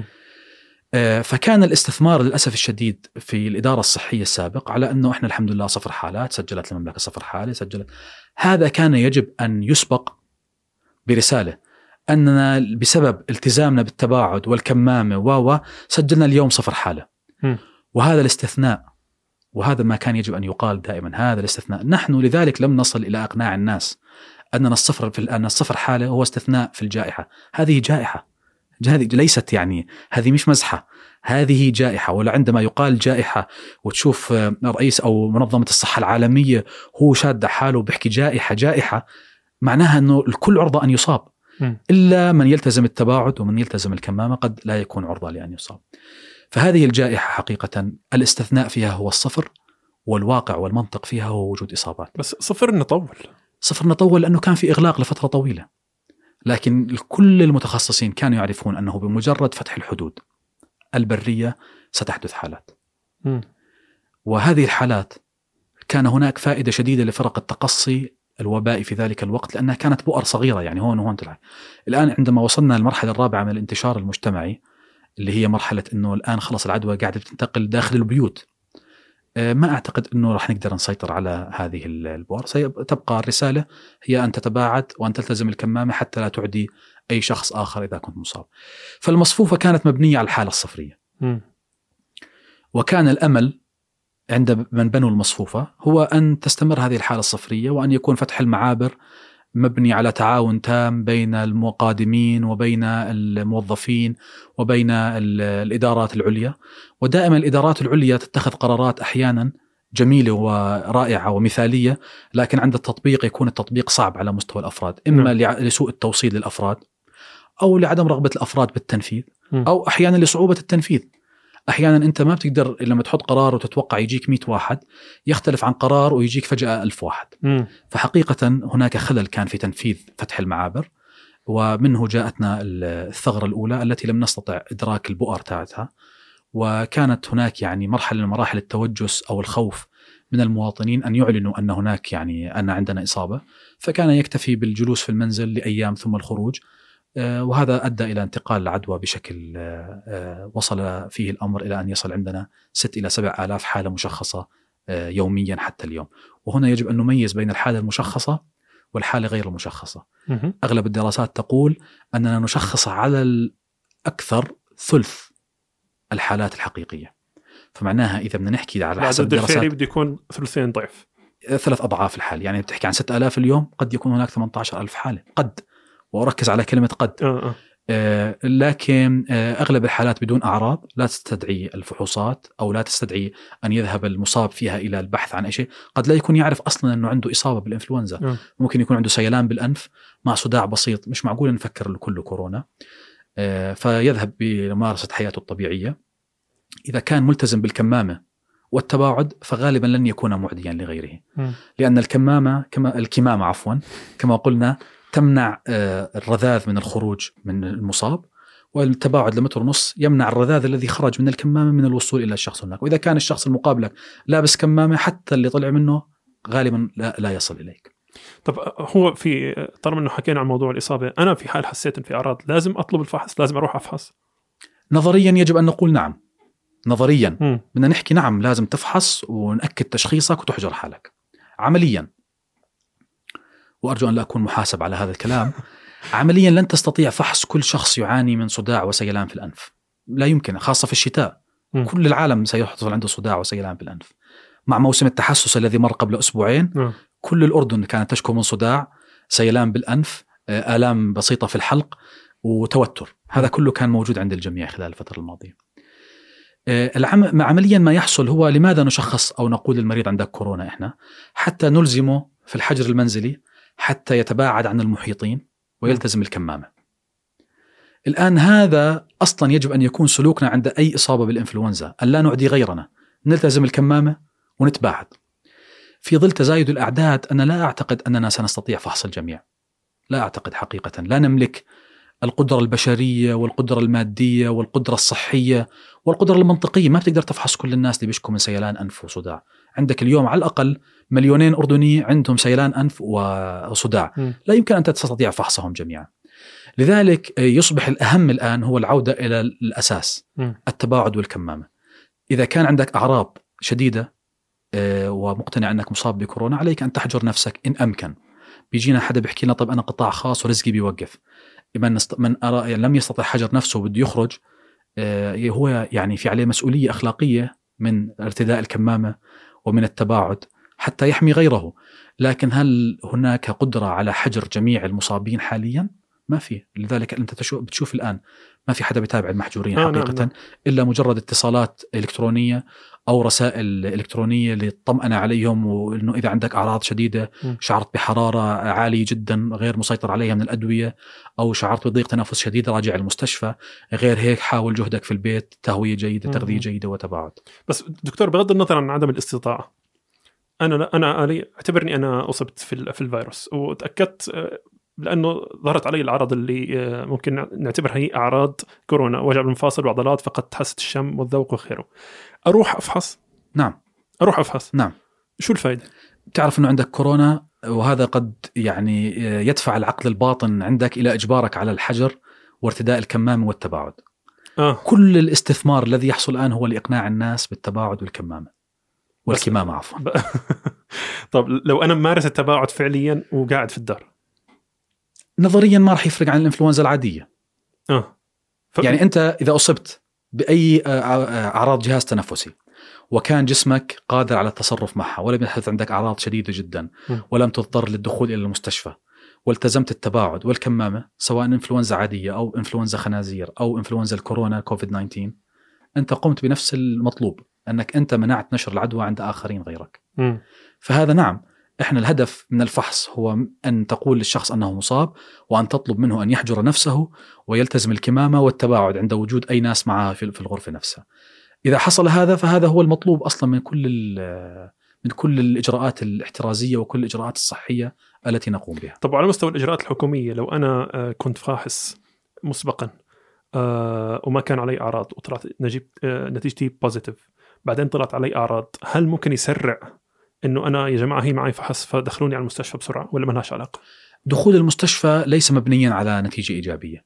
دخول المستشفى مبني على وجود أعراض تستدعي دخول المستشفى. بغض النظر أنا فاحص ولا لا؟ نعم الآن آه، بيجينا على المستشفى أحيانا ناس عندهم التهاب رئة قبل ما نعرف هذا كورونا ولا مش كورونا بندخله على المستشفى لأنه عنده التهاب رئة هو آه. وبنبعث له عينة فحص للكورونا فإن كان كورونا بنعطيه عناية نوعا ما احتياطية أكثر حتى لأنه مضاعفات الكورونا على الرئتين قد تسير بتسارع أكبر من المتوقع مم. إذا كان بدون كورونا بنخليه تحت المراقبة ومع العلاجات المطلوبة طبعا وبتتابعه أولا بأول وفي حال بلشت الاستجابة بإمكانه أن يغادر بس- علما علما إنه أنت اليوم ممكن تفحص وتكون negative آه. هذا لا يعني إنك بكرة ما تكون positive آه. ممكن تخالط حدا وتصير positive ممكن الفحص اللي عملته حسب الإجراءات المعروفة في العالم كله في شيء اسمه ال false negative في أحيانا نتيجة سلبية لكنها خاطئة. وهذا. موجود في كل العالم مش بس بالأردن عندنا. يعني كل الكتات المصنعة فيها هامش من ال false negative سلبي خاطئ أو إيجابي خاطئ. ممكن يعطيك false positive يقول لك عندك كورونا لكن النتيجة تكون خاطئة. هذا مم. ليس معناه إنه في عندنا ضعف في الفحوصات أو خلل فيها لا. هذا شيء معروف في كل الفحوصات في العالم. هناك false negative false positive لذلك مهما حصل تخيل لازم تحسب حالك إنك ممكن تكون من ال false negative لازم تحسب حالك إنك قد تكون ناقل للعدوى. نعود إلى المربع الأول هو أن التباعد والكمامة هما السلاح الرئيسي في منع الانتشار وحماية من حولنا من الإصابة. طيب دكتور كان في خطة طرحها دكتور وليد المعاني لفحص كل الأردنيين خلال ثلاث أيام عن طريق أحد نوع من الفحوصات. قال أنه بتطلع نتيجته خلال ربع ساعة وأنت في خلال ثلاث أيام إذا كثفت فرق التقصي الوبائي تحجر العالم ثلاث أيام في بيوتها. بتعمل حظر وبتكون فحصت 10 ملايين شخص في خلال مدة زمنية قياسية وبإمكانك بعد هيك تتلافى التضاعف اللي بيصير حاليا آه، عن طريق البؤر غير المحصورة. إيش رأيك في الخطة؟ آه، أعتقد إنها خطة نظريا جميلة لكنها واقعيا غير قابلة للتطبيق. لن تستطيع فحص 10 مليون شخص خلال ثلاث أيام. قناعتي آه، يعني غير قابلة للتطبيق. لو كانت قابلة للتطبيق ممكن كان تمت دراستها. ودائما يعني هذا يعيدني خطوة للوراء هو أن التنظير الذي أمارسه أنا ويمارسه كثير من الزملاء على مواقع التواصل الاجتماعي عندما يأتي وقت التطبيق الواقعي له يكون الأمر صعبا جدا أصعب مما نتصور. لا أعتقد أننا نملك القدرة ولا تملك حتى الدول المحيطة بنا الأكثر تقدما منا القدرة على فحص 10 مليون مواطن خلال ثلاث أيام. بتحكي لمنك القدرة على أي مستوى التنظيمية إحنا ما ملكنا القدرة على تنظيم توزيع الخبز خلال آه، بداية الجائحة. أيوة. آه، وعدم توزيع الخلل الذي حصل في توزيع الخبز يتحمل الجميع مسؤوليته على فكرة ليس يعني لا المرسل ولا المستقبل يتحمل لوحده مم. هو هو خلل في ثقافة عامة في الإيصال والتوصيل والتفاهم والثقة لا أعتقد أننا نستطيع إجبار 10 أو كيف نطلع 10 مليون واحد من بيوتهم خلال ثلاث أيام يعني هات خلينا نحللها مثلا نقسمها هل نطلع الشمال بيوم الوسط بيوم الجنوب بيوم هل نطلع ثلث سكان الشمال وثلث سكان الوسط هلا وثلث إحنا سكان إحنا ما؟ راح نطلعهم. إحنا إحنا حنروح عندهم. نتوجه طيب، إليهم بالفرق. أعطيني افرض عندك مليونين فرق و8 مليون مواطن. كيف بدك توزع الفرق؟ ليس الأمر سهلا اطلاقا. لا أعتقد إنه يعني أنا حاولت أمسك ورقة وقلم وأرسمه كيف بدنا نساويه. في هيك في لحظات ما قدرت يعني أتخيل المدخل الذي كان ممكن أن نذهب إليه. ممكن لو قال في 30 يوم أقول لك آه قابل للتطبيق لكنه غير عملي. ليش. لأنه خلال ال 30 يوم نفس الناس رح انتشرت. تعدي آه، بعضها. طبعا. مع إنه ال- التجربة حسب ما فهمت أنا آه، قرأت من أيام نسيت آه، أي أي دولة. لعلها سنغافوره مش متأكد صراحة. طبقت. ممكن عدد السكان يختلف لا أعلم. ممكن في آليات فحص ميداني آه، طبقت. لكن لا أعتقد إنك تستطيع فحص كافة المواطنين. جميل. الولايات المتحدة الأمريكية ذات الاقتصاد الأعظم والقدرة الأكبر على إجراء الفحوصات من حيث الأجهزة والمعدات والكوادر لم تستطع فعل ذلك. آه، لأنه عدد سكانها أكبر بس عندها أضعاف أضعاف الكوادر الصحية اللي عندنا. نسبة الكوادر الصحية لعدد السكان في أمريكا أعلى من الكوادر الصحية لعدد السكان في الأردن. جميل والكوادر الأمنية في أمريكا أعلى من كنسبة من الكوادر الأمنية في الأردن، مم. لكن هذا الموضوع لا أعتقد أنه عمليا قابل للتطبيق. جميل طيب آه آه على سيرة العدوى وخلافه لحد الآن في خلاف يظهر على موضوع انتقال الفيروس أو آه انتقال العدوى عفوا عن طريق الأسطح يعني بقاء الفيروس على السطح أنا لو مسكت هذا هاي الطاولة آه، الآن في واحد كان عدم مؤاخذة عاطس هون وحطيت إيدي عليها هل ينتقل الفيروس ولا لا ينتقل الأساس العلمي الذي يجب أن نبني عليه الأمر هو أن الفيروس لا يعيش خارج جسم الإنسان تمام. مجرد خروجه من جسم الإنسان يموت وهذا ما اعتدنا عليه في الفيروسات طبعا مش خروج مباشرة يعني خرج لذا ولا لو خرج مباشرة كان الإنفلونزا ما انتقلت. أصلا تمام. فكان الاتفاق أنه إذا انتقل بالرذاذ من إلى شخص مباشرة آه، ودخل في المجال التنفسي قد يشكل آه، تكوين عدوى وهذا مش عن فيروس واحد بنحكي آه نعم نحكي عن لود معين يعني أو كمية من الفيروس. مم. ظهرت دراسات في بداية ال- انتشار ال- الكورونا الكوفيد 19 تقول أن الفيروس يعيش على الأسطح لفترات أطول. مم. ولذلك كان الواجب تعقيم الأسطح كاملة. بعد أسبوعين إلى ثلاث ظهرت دراسات تقول أنه لا يعيش على الأسطح فترة أطول. فأصبح الناس يقولون هينا انخدعنا في موضوع الدراسات. حتى الآن لا يوجد رأي ثابت عن عدد الساعات أو الأيام حسب بعض الدراسات التي يقضيها الفيروس على الأسطح. وفي عز الجدل الموجود الذي كان اردنيا على إجراءات الدفن صدرت دراسة أسترالية نشرت في إحدى المجلات لا تحضرني الآن م. تحدثت عن أن الفيروس ممكن أن يعيش على الأسطح 28 يوم. طيب أنا محمد بدي أحكي لك أنا أهتم بالبحث العلمي مثلا وأتابع الأبحاث عندما أجد هذه الدراسة منشورة. أنا على المستوى الشخصي لا أملك مصداق قدرة على التحقق من مصداقيتها. لكن عندما أجدها منشورة في مجلة علمية وأجد الإعلام تداولها وأقنع بها الناس واجبي إني أحاول أبرر هل هي إيجابية هل هي دراسة صحيحة أو سل أو غير صحيحة. لكن حتى الآن لا أملك القدرة العلمية على إثبات شيء أو نفيه. آه الآن آه، هل يعيش على الأسطح؟ يبدو يبدو أنه حتى الآن عنده قدرة أكثر من الفيروسات الأخرى على العيش خارج جسم الإنسان. م. هل منها الاسطح لا أعلم. آه، لكن غالبا نعم عنده القدرة على العيش فترة أطول. كم هي الأطول؟ برضو لا أعلم. وعندنا دراسات تقول أنه مثله مثل الإنفلونزا العادية وهناك دراسات تقول أنه حتى 28 يوم يعيش على الأسطح. مم. فلا يوجد رأي مثبت حتى الآن. وهذا يعيدنا إلى المربع الأول أن التباعد والكمامة. هما أهم سلاح ومعهما التعقيم قدر الإمكان إنك تعقم إيديك تعقم السطح اللي بدك تلمسه أول مرة. نعم. حتى تضمن أنك لن تأخذ العدوى ممن سبقك ولن تنقل عدوى لمن بعدك عندما تعقم وعندما تنهي ال- العمل فيه. جميل. كان في عندك نظرية بتحكي إنه إحنا كأردنيين قد نكون آه، قد تكون عندنا مناعة عالية عشان هيك في الفترات الأولى ما انتشر عندنا الوباء. سقطت هاي النظرية؟ لا لا. لا يوجد شيء حتى الآن حقيقة آه، تستطيع إثباته وأنا آه، قلت لك أننا سنعود بعد سنوات من الآن لممارسة الحكمة بأثر رجعي ومعرفة آه، الحقيقة أو محاولة التقرب أو الاقتراب من الحقيقة أكثر. م. في نهاية العام الماضي ظهرت العديد من حالات الإنفلونزا الشديدة آه، التي كنا نظن أنها إنفلونزا خنازير، طبعا في بداية ال- الخريف الصين أعلنت عن وجود ال- المرض لم نكن نتخيل أنه سيصلنا. م. كانت تجينا حالات إنفلونزا شديدة. كنا نظن أنها إنفلونزا خنازير. نعطي المريض الدواء تاميفلو. علما أن المطعوم الرباعي الذي نحصل عليه للإنفلونزا يغطي إنفلونزا الخنازير. مهم. فلذلك كنا نستغرب أن بعض الحالات كانت تأتينا حاصلة على المطعوم لكنها مصابة بإنفلونزا شديدة جدا. نعطيهم تاميفلو نعمل له فحص يطلع negative لل H1N1 مم.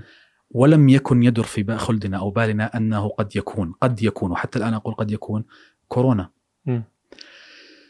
الآن في أنا مثلا عن حالي في شهر اثنين أنا حصلت على المطعوم مم. وفي شهر اثنين أصبت بإنفلونزا لم أصب بها في حياتي سابقا وما كان لا في عنا يعني بدايات إعلان عن جائحة ولا كنا نتوقع إنه هاي كورونا ولا ولا وأظن اضطريت للحصول على إجازة مرضية لأربع أيام أمضيتها في السرير مم.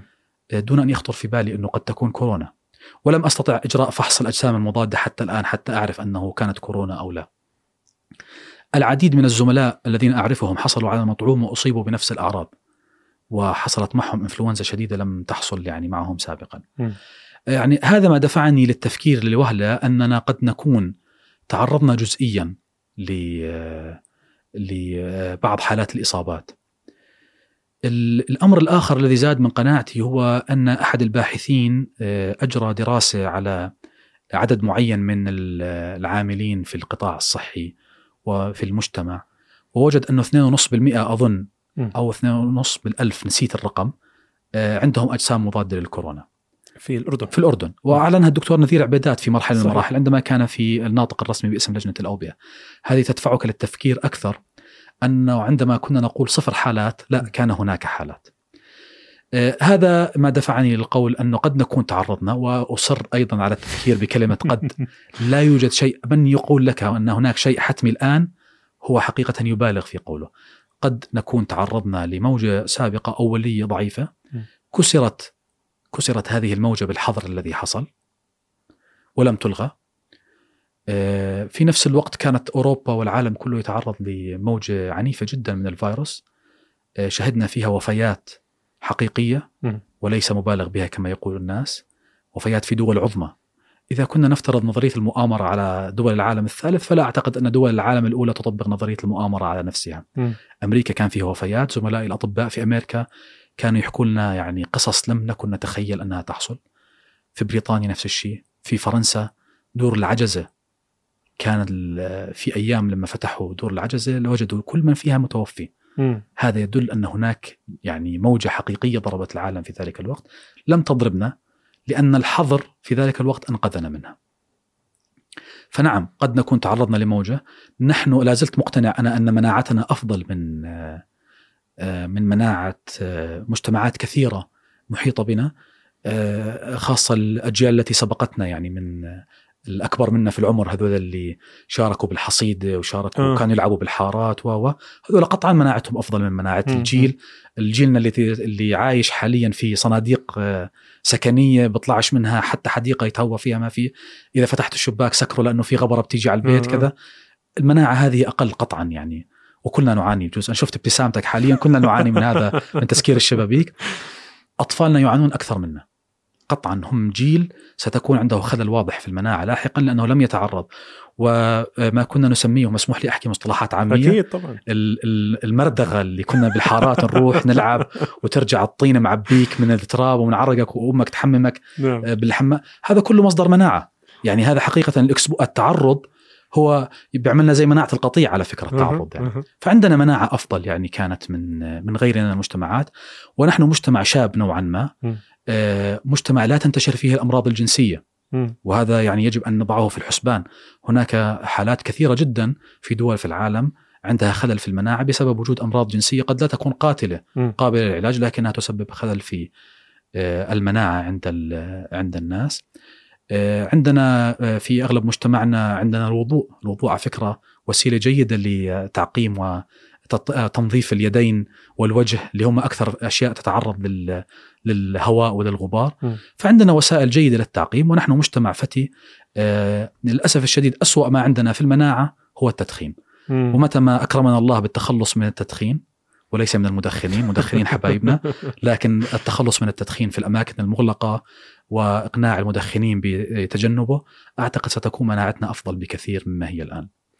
الكمامة ما بتسبب آه، نقصان في المناعه لأنها بتدخل ثاني أكسيد الكربون و... لا تسبب لا نقصا في الأكسجين ولا زيادة في ثاني أكسيد الكربون، أنا دخلت عندك على التصوير لابس كمامتين، نعم آه صحيح نعم، وفي المستشفى أحيانا بحط كمامتين من المستعمل يوميا مم. وفوقهم كمامة قماش يعني أو كمامة قماش عفوا.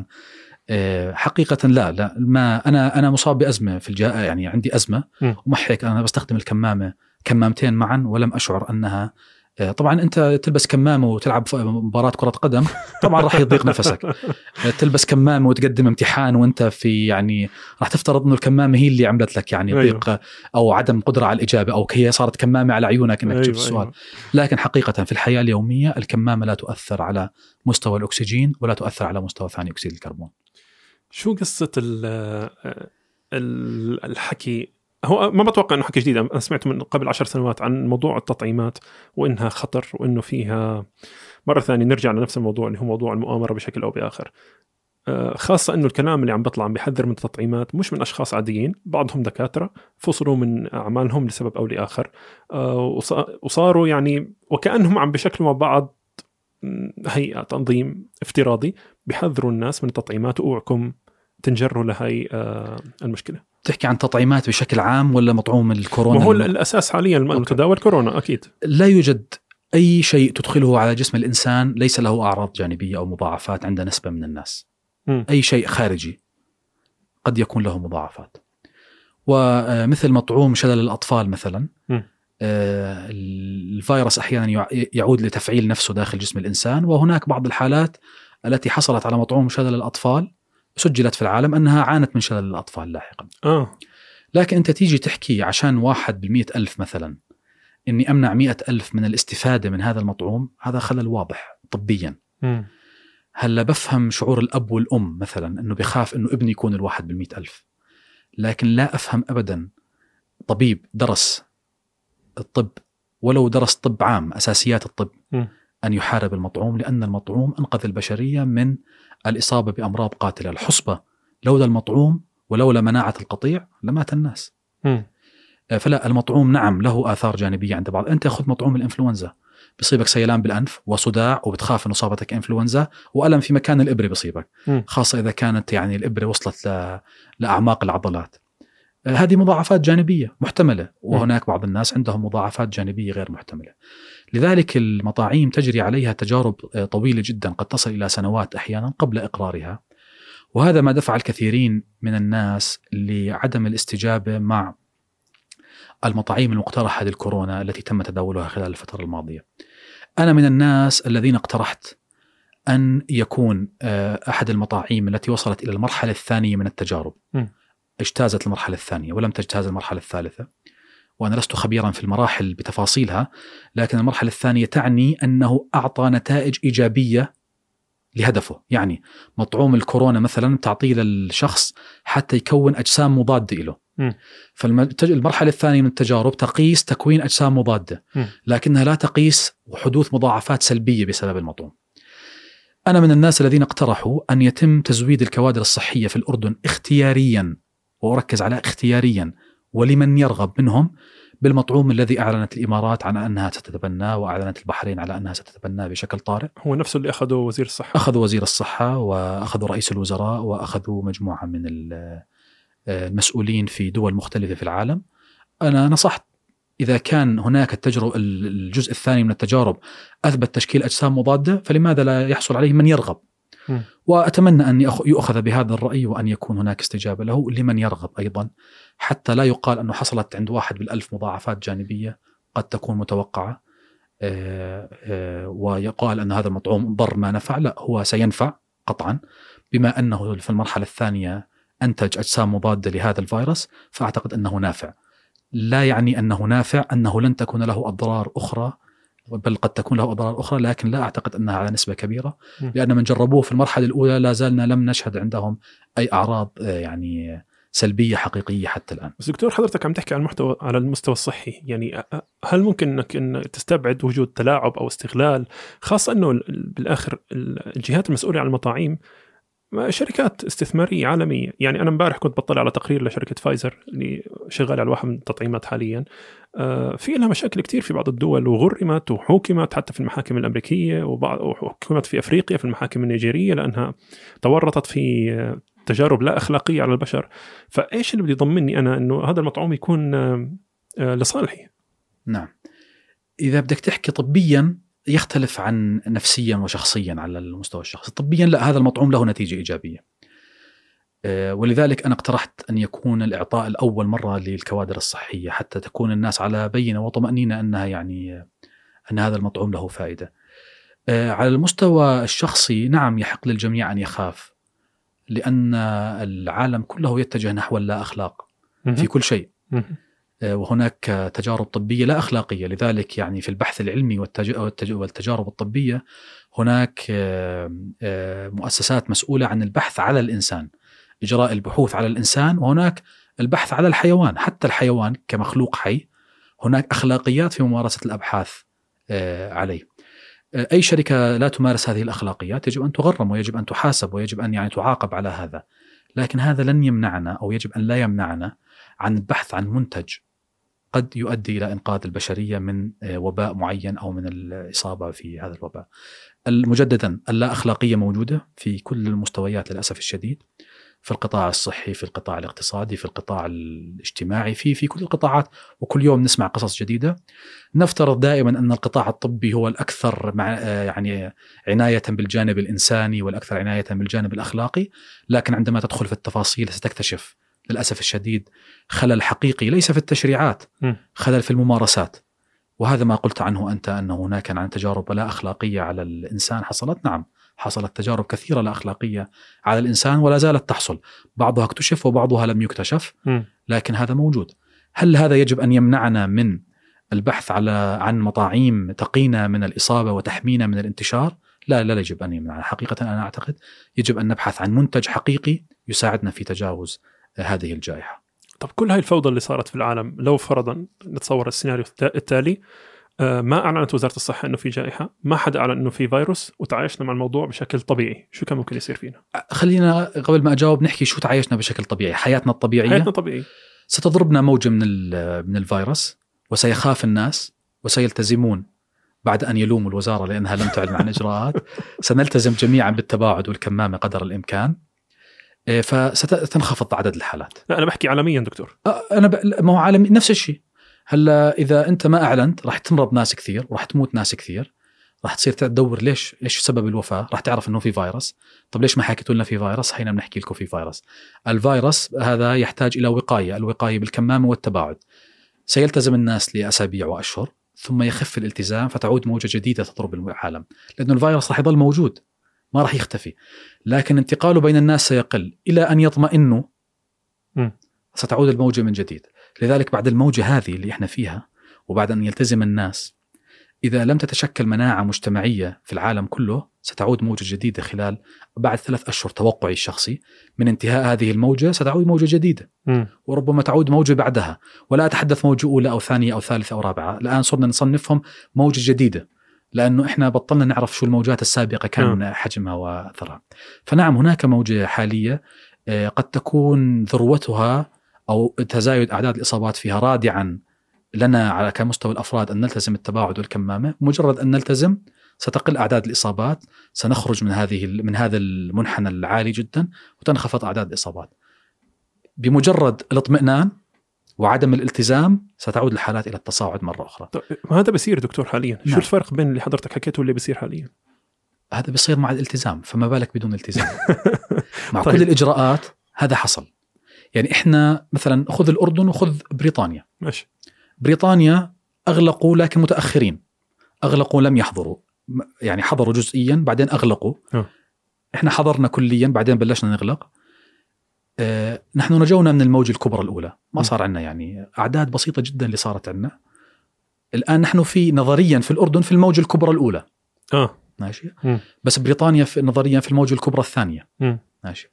الآن كل موجة تضرب تزيد من مستوى المناعة المجتمعية للفيروس.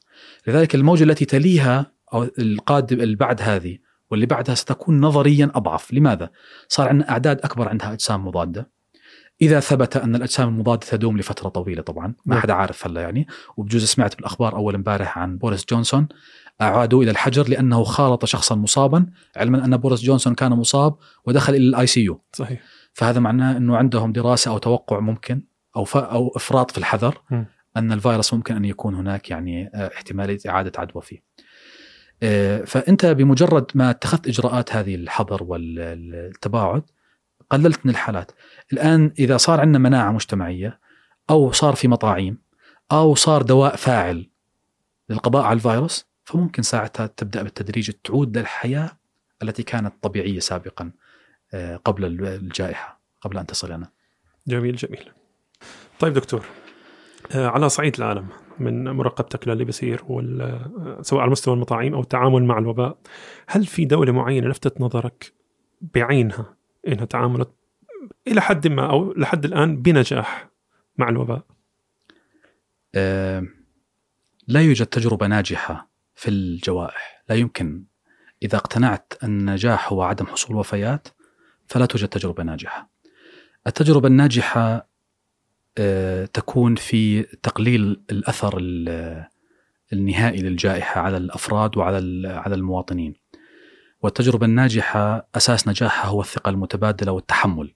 الثقة المتبادلة نوعا ما غير موجودة عندنا والتحمل للأسف الشديد يعني إحنا ضعيفي التحمل بسبب عدم قدرتنا الاقتصادية على التعويض وعدم قدرتنا روحنا مفرفطة يعني إحنا مرات بتكون حتى تكون التجربة ناجحة يجب أن تكون كل المعابر تحت السيطرة المطلقة. وهذا لا يحصل إلا في جزيرة. خلاص الجزيرة معروف المطار أو المعابر البحرية. وعلى المعابر البحرية تفتيش آه يعني زي المعابر ال ال ال الطيران. نعم. المعابر البرية هي الأكثر تسيبا للأسف الشديد في المعابر. آه، يعني إذا بدي أقيس تجربة ناجحة ممكن نيوزيلندا هي التجربة الأقل خسارة في في الجائحة هذه. وهي بالأخير جزيرة. ليست ذات مساحة كبيرة وتملك القدرة الاقتصادية على تعويض مواطنيها. فلذلك يعني وفي ثقة نوعا ما بين الشعب والحكومة. جسد ذلك في الانتخابات الأخيرة وكيف تعاون تكافل الناس مع مع الحزب الحاكم. فأعتقد هي التجربة الأنجح بالنسبة لي من وجهة نظري. إذا بتحب تقيس تجارب دول أخرى حاليا أنجح منا، نعم. موجود لكن هذه الدول تعرضت إلى موجة أولى لم نتعرض لها نحن آه حتى نكون منصفين. صحيح. ففي دول تعرضت إلى موجة أولى تعلمت منها. م. نحن لم نتعرض لموجة أولى وتأملنا أن نتعلم دون موجة، لكن يبدو أن طبيعة الحياة تقتضي أن لا تتعلم إلا من تجربتك الشخصية. فربما أو أتأمل أن نتعلم من هذه الموجة للموجة التي قد تليها آه، في العالم، لكن لا توجد تجربة حقيقية يعني آه، لنجاح مثالي في التعامل مع الجائحة، إنما هناك تجارب مثل نيوزيلندا آه، يعني كانت الأقل تضررا بالجائحه بسبب العديد العديد من العوامل وليس بسبب عامل واحد.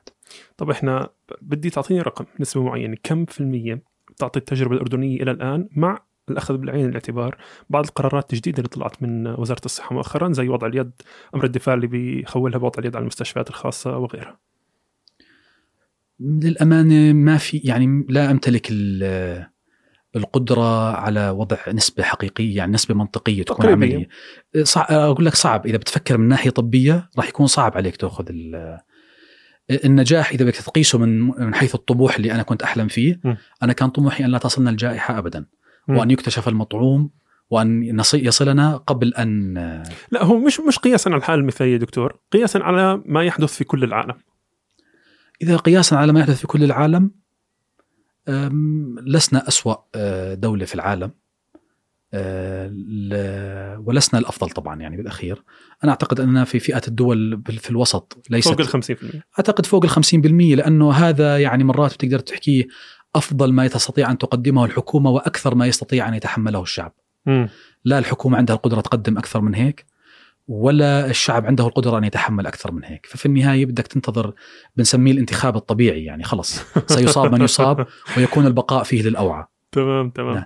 لكن لا يوجد معيار حقيقي تستطيع أن تحكم فيه على على التجربة لأن هذه هي الموجة الأولى وهذه يعني بجوز أخطر حدث يمر على الأردن آه، آه، منذ اللي كنا نسمع عنهم ما وعيتها أنا اللي هي أحداث السبعينات م. ولا احداث ثوره الثوره اللي سموها أو الاحتجاجات اللي صارت ب 89 م. أو ال 88 على. هذا أخطر حدث يمر على الأردن حقيقة. طيب دكتور آه، على المستوى الصحي بعيدا عن كورونا يظهر إنه في اتفاق معين إنه القطاع الصحي عندنا مش زي ما كان في الأول وصحح لي إذا أنا مخطئ. رغم إنه حتى الآن ما نزال على مستوى الدول العربية ما يزال ما يزال في عندنا موضوع السياحه العلاجية أو ما يزال عندنا في بعض الدول آه، المحيطة فينا يجوا منها أفراد على حسابهم الشخصي آه، يتعالجوا ويختاروا العلاج في الأردن. ظنا منهم أو اعتقادا منهم إنه إحنا العلاج منا القطاع الطبي عندنا متقدم مقارنة فيهم، فهل القطاع الطبي عندنا متدهور؟ في فرق بين القطاع الطبي كمحتوى وبين الخدمة التي تصل إلى آه، المواطن. وإذا دائما أردت النجاح يجب أن تقيس آه، جزء جيد من أدائك أو من عفوا من تقييمك بمستوى الخدمة المقدمة للمواطن. في مستوى الخدمة المقدمة للمواطن في عندنا تفاوت شديد جدا حقيقه في الخدمات المقدمة وأعتبر أننا غير ناجحين في هذا المستوى آه، كما يجب أن نكون. الأردن كان من الدول المتقدمة جدا التي استثمرت في الموارد البشرية في القطاع الصحي م. في الطب وطب الأسنان والتمريض والصيدلة والعلوم المخبرية والعلوم الطبية المساندة. كان من أكثر الدول المتقدمة وأنفق على الأبحاث نسبة وليس مبلغا نسبة جيدة من موازنته الجامعية والأكاديمية.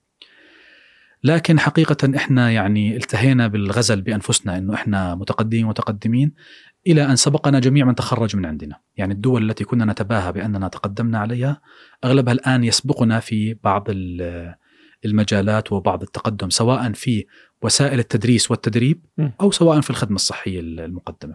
على على القطاعين العام والخاص طبعا طبعا م. القطاعين العام والخاص. المشكلة أن القطاع الخاص لا يستطيع الجميع الذهاب له، لذلك ستبقى الخدمات المقدمة به وإن كانت متميزة ستبقى محصورة به فئة معينة. وأنت يعني في الدول يجب أن تكون حريصا على تقديم خدمة صحية آه، يعني متقاربة للجميع وتمنح الجميع فرصة الحياة بنفس الطريقة أو بنفس ال- ال- النسبة.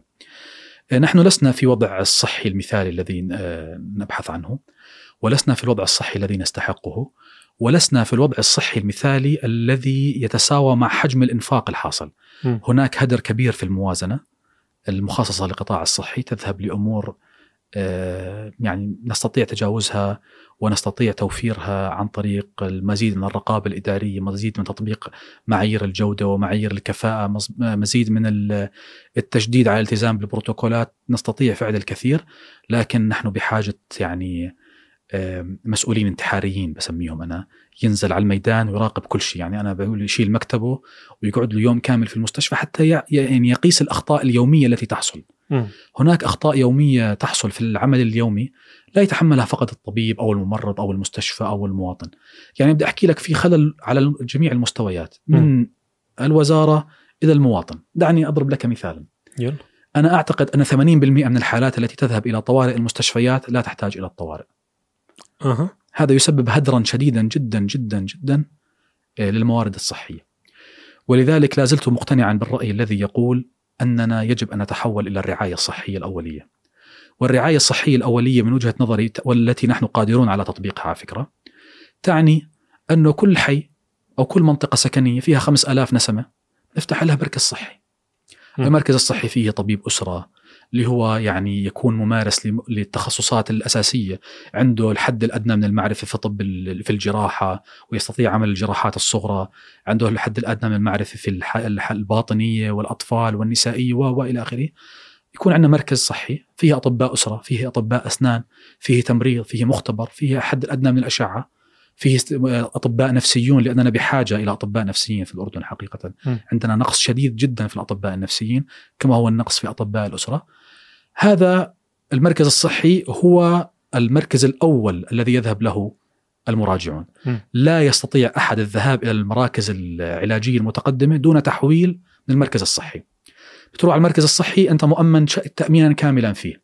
م. بنعالجك فيه علاج كامل على حساب الحكومة، بتقدم هويتك، بتسجل كل التفاصيل عليها، الإجراءات الطبية المتفق عليها لحالتك، تتعالج. إذا حصلت على تحويل بتروح على المستشفى. ليس منطقيا ابدا أن يكون هناك مستشفى متخصص فيه طبيب متخصص في زراعة القوقعة، مم. ماشي الحال؟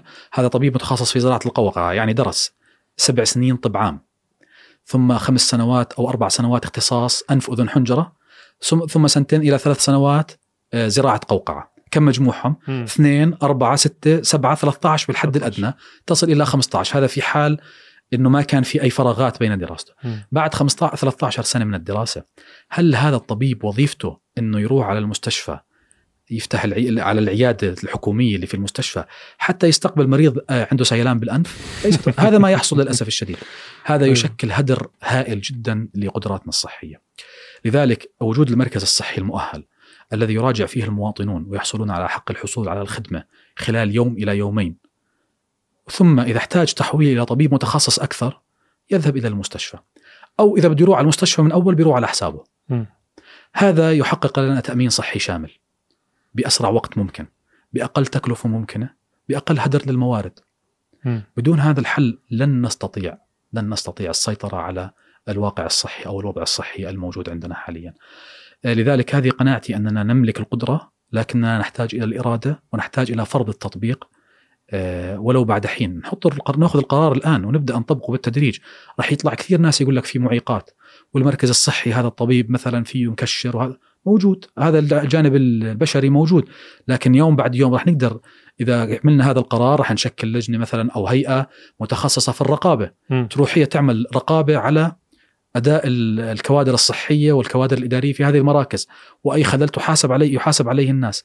لكن هل عندنا ترف الانتظار أكثر أنا أعتقد لا لم يعد عندنا ترف الانتظار أكثر لأننا لا نملك موا- موارد مالية للاستمرار في نفس هذا النهج لكن نمتلك موارد بشرية ونمتلك موارد إدارية لاتخاذ قرار التحول نحو الرعاية الصحية الأولية وتقديم الخدمة الصحية التي تليق بالمواطن.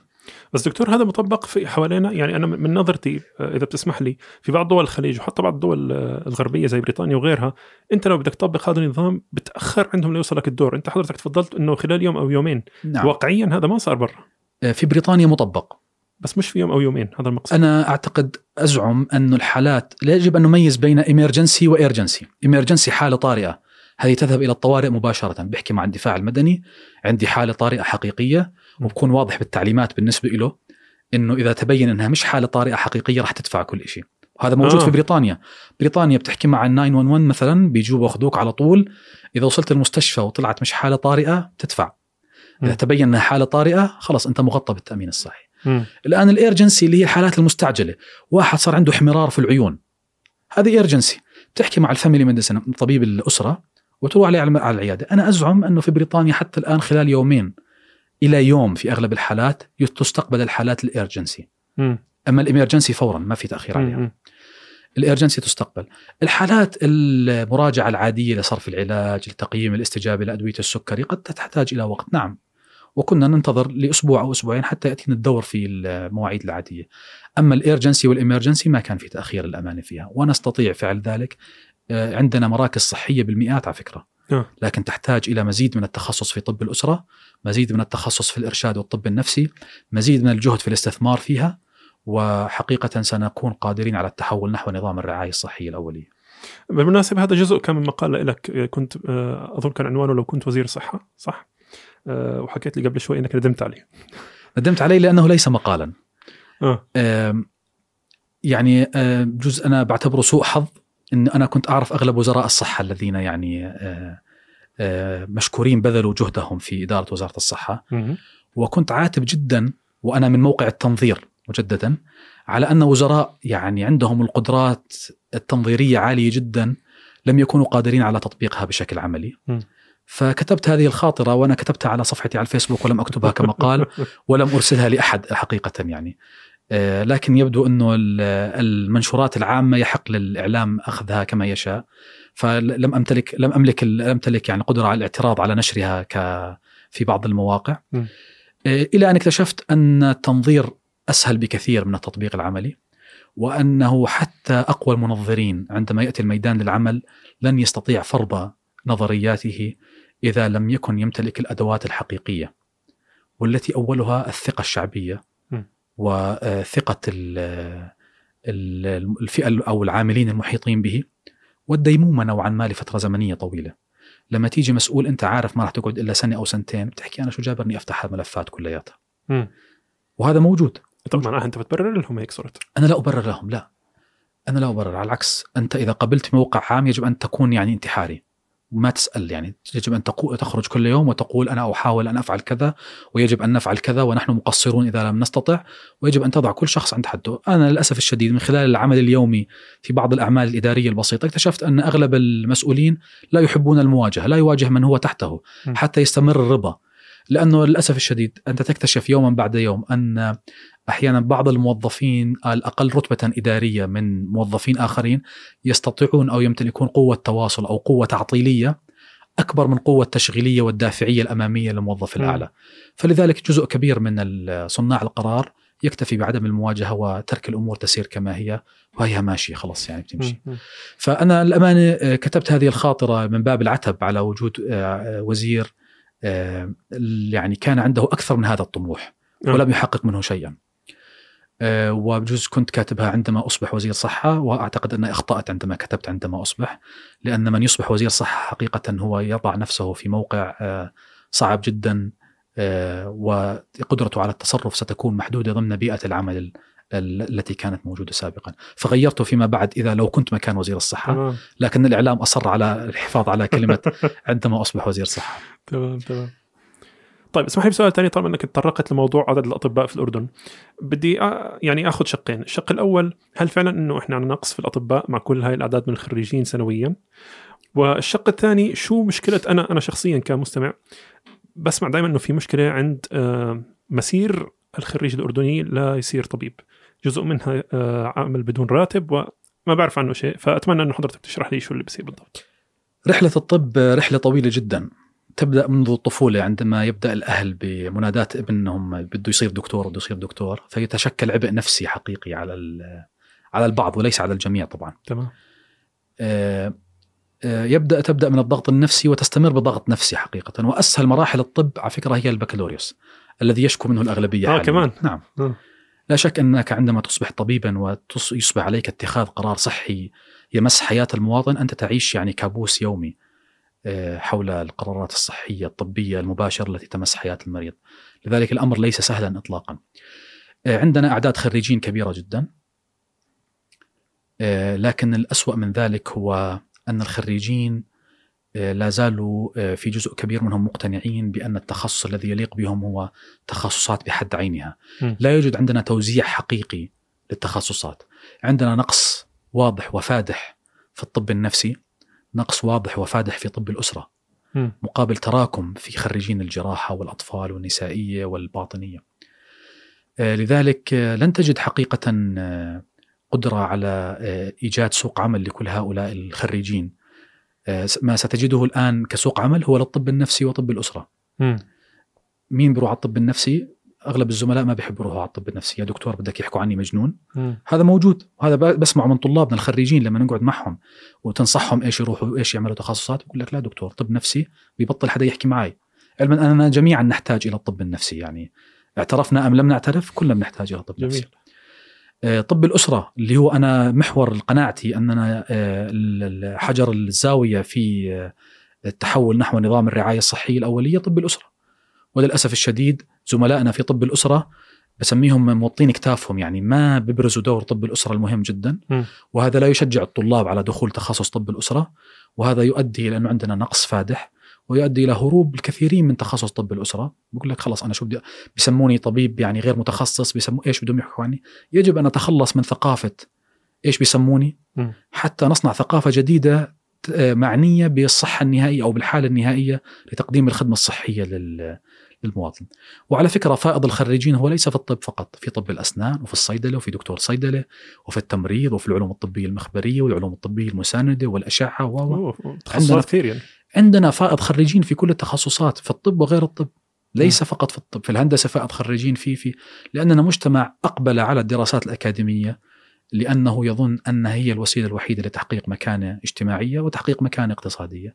وتركنا حقيقة سوق العمل غير المرتبط بالتخصصات الأكاديمية الذي يحقق أيضا دخل لكنه للأسف الشديد لا يشكل ال- المعيار البرستيج الذي نطلبه نحن جميعا كأفراد. وسأتهم أنني أقول هذا لأنني طبيب. لا لا أقول هذا لأنني طبيب. لكن يعني حقيقة يجب أن نصل إلى مرحلة أنه يجب أن يكون للمهن الحرة دخل مادي يعادل ويزيد عن الدخل الذي يعني نتحصل عليه بسبب شهادات أكاديمية لأن الشهادات التقنية والخبرات العملية لا تقل صعوبة حقيقة عن ال- الشهادة الأكاديمية. فمتى ما وصلنا إلى قدرة مالية على تحقيق دخل جيد للجميع. أعتقد سينخفض نوعا ما آه، آه، يعني حاجز أو ال level أو المستوى الذي يبحث عنه الجميع لبرستيج الوظيفه والمستوى الاجتماعي المرتبط بالشهادة. طيب وعلى مستوى المسير؟ مسير الطبيب في الأردن طبيب في الأردن اللي بيتخرج من الجامعة بعد ست سنوات بده يعمل سنة امتياز اللي هي تدريب عملي نوعا ما على بعض الإجراءات العملية التي تعلمها وهو طالب أو تحضير الامتحانات عالمية سيقدمها الطالب ليخرج لاستكمال اختصاصه في أمريكا أو في بريطانيا أو في ألبانيا أو دول أخرى. بعدها في أربع إلى خمس سنوات تخصص سريري يتعلم فيها بالمستشفى، بعضها مدفوع الأجر براتب. وبعضها غير مدفوع الأجر بسبب آه، ازدياد الأعداد وعدم رغبة المستشفيات في أخذ أعداد آه، أكبر مع دفع الراتب لها، فبتقول لك أنا لا بلاقي حل وسط بالنسبة لها من وجهة نظرها هي إنه أنا بعطيك فرصة التدريب. نعم. تقعد عندي أربع سنين بس ما بعطيك راتب. في هذه الأربع سنين أنت بتكون مؤهل تقدم امتحان البورد الأردني الذي سيسمح لك أن تصبح طبيبا اخصائيا وبعدها بتصير تطلع فلوس زي ما بدك زي ما بيحكوا الناس إنك أنت بتصير كشفتك 50 و100 دينار. تمام. آه، هذا حقيقة يمكن أن نعود له الآن في إجابة سريعة لكن بعد التخصص العام أربع سنوات عندك امتحان بورد. هناك أعمال أو آه، مؤسسات تحتاج إلى تخصص دقيق.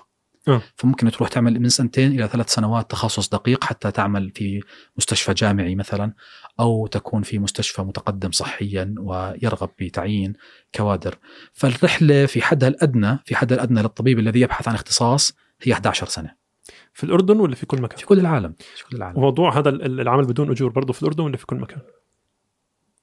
آه، ما عندي أي معلومة حقيقة دقيقة لكن إذا بدي أستعير جزء من نظام العمل في بريطانيا مثلا لغير البريطانيين م. نعم ممكن يعملوا بدون راتب هناك لغير البريطانيين وليس للبريطانيين ممكن لكن آه، عندهم القدرة على تأمين الحد الأدنى من الدخل لهم هناك في حال كان بدون عمل م. آه، نظام الأنبيد أنا لا أبرره ولكن في ظل الأعداد المذهلة من الخريجين أنت ما بتقدر تجبر مستشفى خاص مثلا إنه يأخذ أعداد كبيرة أكبر من اللي باخذها حاليا يدفع. هو بيقول لك خلاص ما بدي أعداد خلاص أكتفي بهذا الموجود. م. لذلك هو يجب أن يكون هناك حل جذري لهذا الموضوع. لا أعرف كيف سيكون. آه، لكن آه، في ظل أعداد الخريجين الموجودة حاليا أعتقد ستستمر المشكلة لفترة طويلة جدا. جميل. إلا إذا توسعنا في القبولات في وزارة الصحة وهو ما حصل حاليا عندما أعلنت وزارة الصحة عن تعيين 2000 طبيب وممرض مم. خلال قبل أيام فهذا سيؤدي لتقليل الضغط على ال- على الكوادر المعطلة أو المتعطلة عن العمل في القطاع الصحي آه، لكن هذا حل ليس دائم هذا تعيين لمرة واحدة فالخريجين اللي راح يجوا هلا جداد ما راح نكون لقينا لهم شغل أيضا في براتب بس القطاع الحكومي بيسحب يعني ممكن يسحب أكثر القطاع في الحكومي تعطش. ممكن يسحب أكثر لكن هل هذا السحب سيكون ذا جدوى؟ إذا بده يكون ذا جدوى يجب أن يكون في تخصصات آه، نحتاجها وأكثر تخصص نحتاجه الطب النفسي وطب الأسرة. جميل جميل م. طيب دكتور آه، اسمح لي بسؤال أخير ليش ما في لك ظهور إعلامي؟ أنا وأنا بحضر الحلقة اندبحت وأنا بدور على شيء ممكن أستعين فيه إلا الكتابة طبعا ما شاء الله عليك. بتكتب أنا لا أملك حقيقة صفة وظيفية تستدعي أن يطلبني الإعلام لأكون يعني ظاهرا فيه. وأنا أعتقد أن الظهور الإعلامي مقتل. القليل من الظهور الإعلامي جيد لي يعني لكسب التجربة وللتعلم لكن في لحظة من اللحظات قد يصاب الشخص بهوس الظهور الإعلامي وهذا مقتل حقيقة. وسبب رئيسي للاخطاء. آه، لا أجد نفسي إلا في أن أكتب ما يجول في خاطري وأتمنى أن يكون يحظى بقبول عند بعض الإخوة الكرام المتابعين له وأعتقد أنه وسيلة جيدة للتعبير ووسيله جيدة للتصحيح في حال أنت وجدت يعني خطأ في كتابتك ممكن أن تصححه فورا. م. وهذا منبر يسمح لك بالتصحيح والتعديل. لكن المنابر الإعلامية لا ترحمك أحيانا إذا رغبت في التصحيح. قد تأخذ آه، ما تفهمه هي أو ما يفهمه ال- الزميل الإعلامي الذي يظهر ويصبح هو المنشيت الرئيسي. م. وكل توضيحاتك وتبريراتك تصبح تفاصيل يعني لا لا أحد يلقي لها بالا. فأنا أنا لا زلت يعني مقتنع وإن شاء الله تظل القناعه موجودة أن الظهور الإعلامي غير الضروري ليس مكسبا بل هو على العكس مخسر على المستوى الشخصي مخسر على المستوى ال- الدقة لأنك ق- ستخطئ. كثرة الظهور تؤدي إلى الخطأ. وأنا متأكد يعني الآن في التسجيل الذي حصل الآن قد أكون وقعت في أخطاء يعني في أثناء ال- الكلام قد تستدعي مزيدا من التوضيح. تمام. أنا أتأمل أن تعطيني منبرا كافيا للتوضيح. وقتها إذا احتجنا للتوضيح. تشرف سيدي. الله يخليك. تسلم. طيب شكرا لك دكتور. عفو. أهلا وسهلا فيك. يعني آه، رحلة طويلة معك وأنا مستمتع جدا وأكيد عندك أكثر بس آه، بدناش نثقل على المستمعين والمشاهدين. شكرا جزيلا لكم. الله يعطيك العافية. شكرا جزيلا. الله يعافيك يا رب. ومستمعينا ومشاهدينا شكرا لكم لاستماعكم ونراكم لاحقا. تحياتي. نراكم لاحقا ولا ستسمعوننا لاحقا.